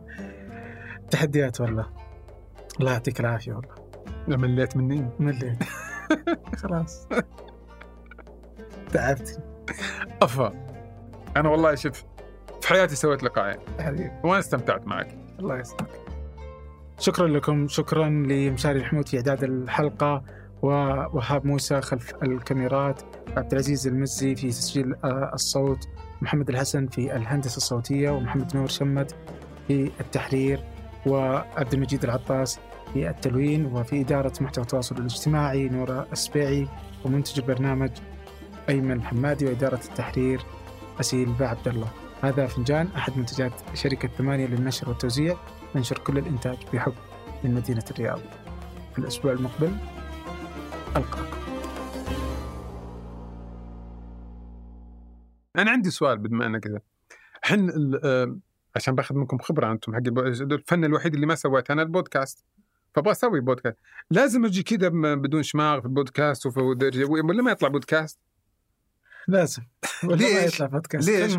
لا إيش السبب؟ يعني، إيه،. ليش السبب؟ لا كلهم كذا لا لا مالك أنا أقول لك وش يعني وين اللي يجون لابس كاب أنا بقول لك وش السبب مفسر ريديه كذا ومشمر وشماغ وشعره مو مرتب وح... لازم أسوي كذا عشان طيب هل. لازم ألبس كرفته ولا ما أقدر أطلع على العربية؟ style جريء آه، قناة وش تعب؟ بطلع اشماخي وعقالي لا style قناه طيب فالقصد هو انت style انت اختار فاحنا عبد عبد. الرحمن عبد الرحمن سؤال أنا بقول لك طب آه،. بس بس السؤال إيه لا بس على موضوع. القناة على موضوع القناة.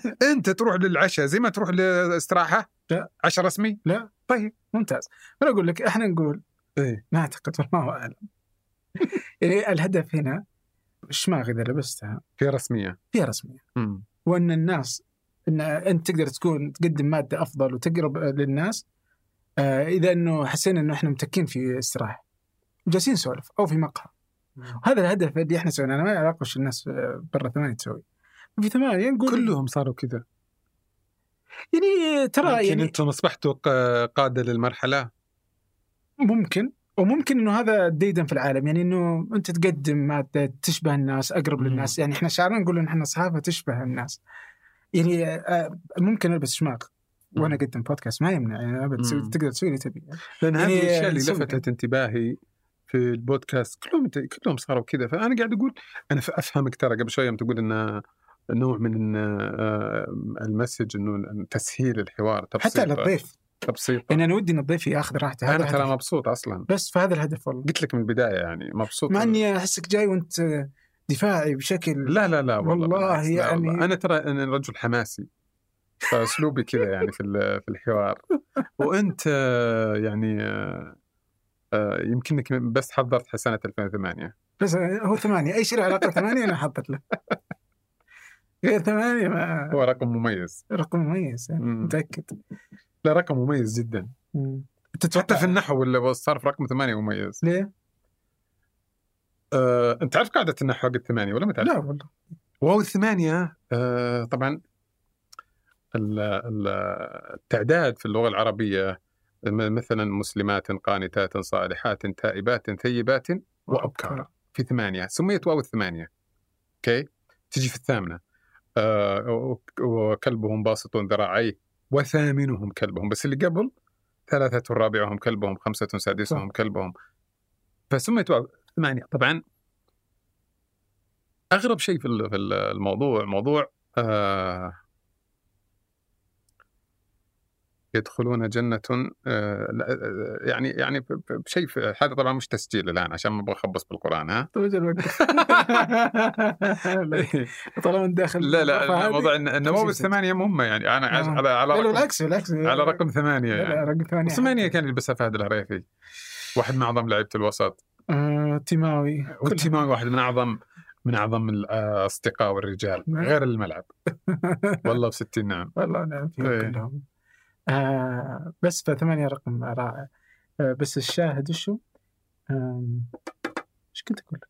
جاب ثمانية آه تبغى تسوي إيه. بودكاست إي ودي إنك تسوي شيء مختلف والله يعني هل لو أعطيتك كل شيء أنت تبغاه. وش وش شكل الصحيفه اللي أنت تبغى؟ تعرف أنا أنا أعطيك موارد لا محدودة إيه اللي أنت بيه ابدأ من الصفر أنا أنا؟ أقول إنه الرياضة الآن هي المكان الوحيد اللي تقدر تفتح فيه قنوات هي والسياسة بقية الأشياء فاشلة في الوقت الحالي افتح منصات لا تفتح قنوات okay منصات بس شوف SSC إيش رأيك طيب. تجربتهم؟ SSC. قناة رياضية إيش رأيك تجربتهم؟ آه هل تسجيل ولا تسجيل؟ تسجيل والله شوفي إذا طلعت برا الغرفة لا لا بقول لك شيء عاد أقول لك شيء لا والله بقول لك رايك الصراحه مم. مشكلتي س... أنا أزعم من مشكلتي واحدة من مشاكلي صراحتي أزعم ازعم SSC بداية كانت آه، مش واضحة. مش واضحة هم أصلا يعني وش يبغون مش واضحة بدأوا يع- يعودون إلى إلى تقييم أنفسهم ويعني ومحاولة إيجاد الطريق اللي هو بيوصلهم للأهداف من جديد.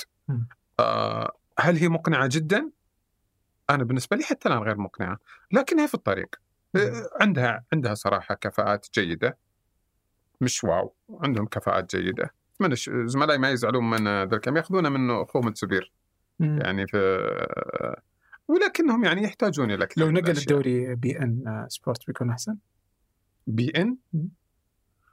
أنا ماني معجب بتجربة beIN ولا؟ إيه وماني معجب بالقدرات اللي فيها صراحة كويس لكن الإمكانيات الضخمة لا جدال انها توفرت على أعظم إمكانيات توفرت لقناة تلفزيونيه آه. مش بس رياضية عندهم يعني كم شوف كم المراسلين الهائلين اللي موجودين شوف كم الاستديوهات الهائل اللي موجود شوف كم الضيوف ترى ضيوف ال- الرياضة أكثر ضيوف تدفع لهم؟ أكثر من أي مكان آخر. ترى السياسة ما تدفع لهم فلوس. السياسة ما ت... يعني أنت بتستضيف وزير بيقول لك كم تدفع؟ أكيد ما يقول لك. تستضيف وزير سابق بيقول لك كم تدفع وأعطي. الرياضة كلهم يقولون. طبعا. يقول لك okay خلاص آه، okay حيكلمك مدير أعمالي. وتتعاقد معه بالشيء الفلاني. آه. اي إحنا كنا نفاوض قبل فترة واحد إنجليزي. آه، مع تغيرات الدوري فنجم من نجوم الكرة الإنجليزية. فقال لي أبغى؟ أبغى لا لا مش بيكام قال أبغى 40 ألف دولار شهري. اي فقلت له يطلع كم؟ قلت له يعني العشرة ب 40 مثلا أحسبها. أنت؟ قلت له يعني يا كابتن إحنا قناة news. مش قناة رياضيه قال لي أنا رايح قناة news في تركيا بيستضيفوني على الدوري التركي دافعي لي 40 بتدفعون أكثر ولا لا؟ فالرياضه م- ترى مصاريفها هائلة الحقوق في الرياضة يا عبد الرحمن إيه. كم تشتري الحقوق؟ يعني ال highlights كم تشتريها يعني إيه. تجربة عندكم في قناة الشرق ما عندك عندنا ما ننتهي إيوه شوف قناة الشرق كم اشترت ال- ال highlights؟ برضو بالشيء الفل... highlights بس مم. بس ملخصات بس المشكلة يا أخي إن ال- والله يعني إني يزعل يعني لما أتفرج آه، الدوري السعودي ليش؟ يعني موجود آه، أنا والله ما أتفرج استديوهات تحليلية يعني في بعض المباريات ينقلونها مم. 4K بس حتى يعني تلقى ما أدري في تخبيص قصدك أنت في في حركة الكاميرا والإخراج حركة الكاميرا حتى ال refresh rate حق. آه، العدسة مم. يعني أشياء ما أدري والله يعني فتلقى الكوره تنطط. يعني واضح انها إذا انشاتت بسرعة يعني. أشياء تقهر يعني بس يعني إن شاء الله نم... إن شاء الله انهم يتطورون إن شاء الله. يتطورون الشباب تجاربهم يعني هم اللي مو- موجودين جيدة. إن شاء الله يكونون أفضل في في المستقبل. أنا والله من النوع اللي يعني صراحة ما أشوف الاستديوهات ولا التغطيات اللي قبل ولا بعد. حكم الشغل. مم. بس ال 90 دقيقة أشوفها آه، يعني مرضية إلى حد ما. مرضية مش رائعة. مم. يعني بالنسبة لي مرضية. أشوف ال 90 دقيقة بس. مم. الله يوفقهم. الله يوفقهم. عطهم أفكار طيب جديدة. أنت قدم لهم مشروع قدم لهم شيء. أنا أبد ما أنا ما أفهم في الرياضة ولا أتابع الرياضة فأنت اللي تتابع الرياضة قدم. واخوهم الكبير بعد يعني. يعني أيوه بس أنت يعني برجك العاد ينزل. لا لا لا حرام عليك. ليش تقعد ليش تقعد يا عبد الرحمن آه، تتابع ال- الهلال بس وتقول لي قبل شوي ما أتابع؟ الحين ترجع تقول ما أتابع. يعني إيش أسوي؟ لأنك أنت تبغالي ما أتابع. لا لا والله. لا لا. والله. لا, لا بس شفت يعني مباريات المنتخب؟ كوريا وكوستاريكا ولا إيش قصدك؟ أيوه. لا مش ما تابعتها ما ما تابعت جد وش وش تابعتها؟ علاقتك جد وش علاقتك في الرياضة؟ علاقة طيبة يعني. يعني يعني تصل إلى حد خمسة من عشرة؟ لا تصل اذا آه، قطعت يدي تلقاها دم أزرق. الله! إيه. لا جيت من الآخر أنت. لا لا بس أتابع مباريات الهلال فقط. بس. المباريات المهمة يعني. بس. يعني شفت أمس الأهلي. آه يعني المباريات اللي كذا. مع إنك المفروض أهلاوي أنت. لا ما أحس. لا ما يجي. لا لا أنتم يعني يولد انسان فتره هلالي بعدين أنتم أهل الجنوب كلكم أهلاوية. لا والله أدري. أبوي يشجع الهلال ترى. أبوك شجع الهلال؟ إي بس لسبب غريب ترى. إيش؟ عايش في الرياض هو. لا أبد. عايش في الجنوب؟ يعني هو شجع من الجنوب بس لسبب غريب. غريب إيش؟ غريب. أن ولد في نفس السنة اللي تاسس فيها نادي الهلال. الله. فاعجبه فشجع لا بس هذا ارتباط غريب. 1377 ارتباط غريب. ليش؟ إنه يعني يشجع الهلال عشان نفس السنة. أدري والله بس يعني الحمد لله. يعني فكل العائلة هلالية عن فكرة أبي. إحنا بيتنا متنوع. مشكلتنا. ده في نصراني في اتحادين تخيل. شفت هذه ترى ما عندي مشكلة. أحس بس ما عندنا أهلاويين. يعني كم عندنا تتفرج هلاليين. آه، هلاليين آه، اتحاديين. اتحاديين أخوي نواف ولد في فترة آه، يعني يعني قصد يعني فهم يعني آه، وعى على قولتهم وعى في فترة آه، الاتحاد الذهبي. ومحمد نور و وتوكار والكريري والعالم المجانين دول اللي أخذوا آسيا مرتين وكذا. شب على على اي والاتحاد كان فريق بدع يعني أيام منصور بلوي؟ لا لا كان فريق يعني عظيم. على طاري منصور بلوي أي أي رؤساء الأندية تشوف الأفضل من اللي عاصرتهم؟ آه، طبعا شوف أنا عاصرت ناس في فترة وأنا صغير يوم كنت في الجامعة واشتغل في الصحافة ما كان عندي الوعي الكافي اللي احكم صراحة. يعني ما كنت أظلم ناس يعني. يعني مثلا أنا لحقت على سنوات بسيطة مثلا من عبد الرحمن مسعود كويس. بس كنت لا شيء يعني هامشي في الصحافة أصلا توني أتعلم وتوني ما عندي الوعي الكامل يعني. إيش رأيك في اللي قال عليك؟ آه، قال عني أشياء كثيرة. وسويت معنا لقاء قبل آه، الله يرحمه ما يموت. لقاء صحفي. قال عني أشياء كثيرة ترى دائما بطال. قال مره عني بطال. رحمة الله عليه الله يسامحه ويغفر له. من أحسن الناس في. الرياضة اي آه، ما شفنا من الله كل الخير يعني. بس نقول الله يسامحه من باب إنه من الأموات. آه والله يا عبد الرحمن في نقطة مهمة لازم تنتبه لها وأنت تنظر رؤساء الأندية. مثلا أقول لك عبد الله بن مساعد آه مو لأنه صديقي هم كثير أصدقاء لي ترى في, في كل الجوانب يعني. عبد الله بن مساعد نظم الهلال من الداخل بشكل ليس له مثيل في الأندية السعودية. هيكلة وشغل وإلى آخره، بس ما حقق بطولات. الرئاسه الأولى؟ في عبد الله بن مساعد مم. ما حقق إلا بطولة واحدة تخيل كاس دوري ما جاب وشيء ما جاب. فلذلك التصنيف هنا في. في. يقول لك عبد الله ما نجح. مقارنة برؤساء الهلال الثانيين. لكن هو من الداخل اشتغل شغل. هذا الشغل اللي من الداخل ما حد يدري عنه. ترى ما حد ينتبه له. ما حد أصلا يتكلم عنه. آه يمكن كثير من رؤساء الأندية نفس الشيء. سووا هيكلة داخلية سووا تنظيم مالي سووا حوكمة. قبل كل هذه الأشياء ما تكون اشتراطات. آه، سووا آه، يعني اشياء مستقبلية بعيدة المدى. بس هذه ما ننظر لها ما تنظر في التقييم الجماهيري على مستوى الفكر واللعب وال وال وال والخبث والذكاء أنا أعتقد إنه آه نوف بن سعد كان خطير. يعني كان من وعلى مستوى ال ال حتى الوفاء وعند الكلمة وأشياء كثيرة. أنا من أحسن الناس اللي تعاملت معهم أنا. يعني صراحة ذكي جدا جدا جدا في التعامل مع الإعلام وذكي جدا جدا في إدارة ناديه. ولا يفتقد للمكر ولا يفتقد للخبث ولا يفتقد آه، يعني للعب على المراحل. يعني ممتاز جدا جدا فيها هذه. واحد من أحسن الناس اللي صراحة تعاملت معهم أو أو من أفضل الرؤساء اللي أنا تعاملت معهم. عندك أيضا عبد الرحمن سعد ما كان سهل. كويس بس مر بمنعطفات آه، صعبة كثير. آه، النصر ما تقدر تقول ان أحد يصبر أصلا. النصراويين آه، يعني قوم يتنازعون يعني على أي شيء. فهم النصراويين تلقاهم مثلا يقيمون الرئيس ابدا تقييمات غير عادلة، أيضا النصراويين في ناس يقولون دائما الهلال الرئيس يجي يكمل ما بعده ما قبله. النصر يجي ينسف ما قبله. أساسا النصراوي اللي جاء ما لقى قبله شيء. هذه حقيقة يعني ما لقى شيء ما لقى شيء عملي عملي آه، منهجي عشان يكمله. كلها اجتهادات فردية. ويجي يقول واحدة من سمات الهلال الاستمرارية لأنه يكمل ما قبل. النصر لا يس... ما لقى شيء. هو كذا لا جاء طلع لقى لقى النادي كذا. لقى رئيس نادي. اي لقى لا لقى الأمور كذا. لقى فمضطر انه يبدأ من جديد. البلطان كيف علاقتك معه؟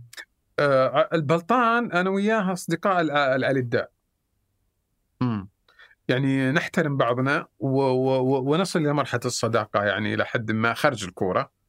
وداخل الكوره آه، آه، يعني آه، نلعب أنا وياه مع بعض. نلعب ون تو أحيانا يعني واحيانا يعني نتحايل على بعض. بس هو رجل ذكي في اللوائح تحديدا. ذكي جدا. ماكر. ماكر من الدرجة الأولى. يعني والبلطان جني عفريت. عفريت بمعنى الكلمة. والصراحة يا أخي يعني عبد الرحمن واحد ناديه يقع بين أنياب الهلال والنصر ويظ- ويظهر للضوء. أوكي يقول لك الناس إنه ارتمى في أحضان الهلال ووجد الدفء وما ادري وشو. عاند الهلال هو فترة صحيح الفترة الأخيرة صحيحة هذه يعني إلى حد ما صحيحه بس هو برضه مو سهل يعني مو سهل ابدا. والصراحة يوم تشوف الشباب قبل ما يرجع بلطان رجعته الأخيرة وما بعده تشعر بان يعني تقول يا البلطان شكرا جزيلا النادي كان واقف واقف واقف بس بوجودك. بس قبلك النادي كان ضايع ضياع مو طبيعي والحين ضايع. بس عنده رجل رجل تحدي ويجيبها من يمين يجيبها من يسار المهم توقف الدنيا. كيف ما يهم. امم وشرس جدا. طيب الحين بالنافل بالمسلي آه، ايهم حال بعض كلهم شوف هو آه، رياضيا آه، يعني رياضيا واداريا يعني إدارة رياضية مسلي أقربهم ليش؟ لأنه اشتغل في الرابطة وابن الرياضة وإلى وإلى آخره. أنمار أنا والله ما أعرفه عن قرب يعني علاقتنا بسيطة مش مش ذيك العلاقة الجيدة يعني القوية ما هي ما بسيئة ولا جيدة بس ما أعرفه عن قرب صراحة عشان أحكم عليه. فهد عرفه يعني إلى حد ما. فهد عنده ميزة ممتازة اختيار الفريق ممتاز عنده. آه آه الإيمان بالتخصص ممتاز عنده. قاعد يسويها في إدارته وهذا شيء من الإدارة الممتازه وفوق هذا عنده فريق.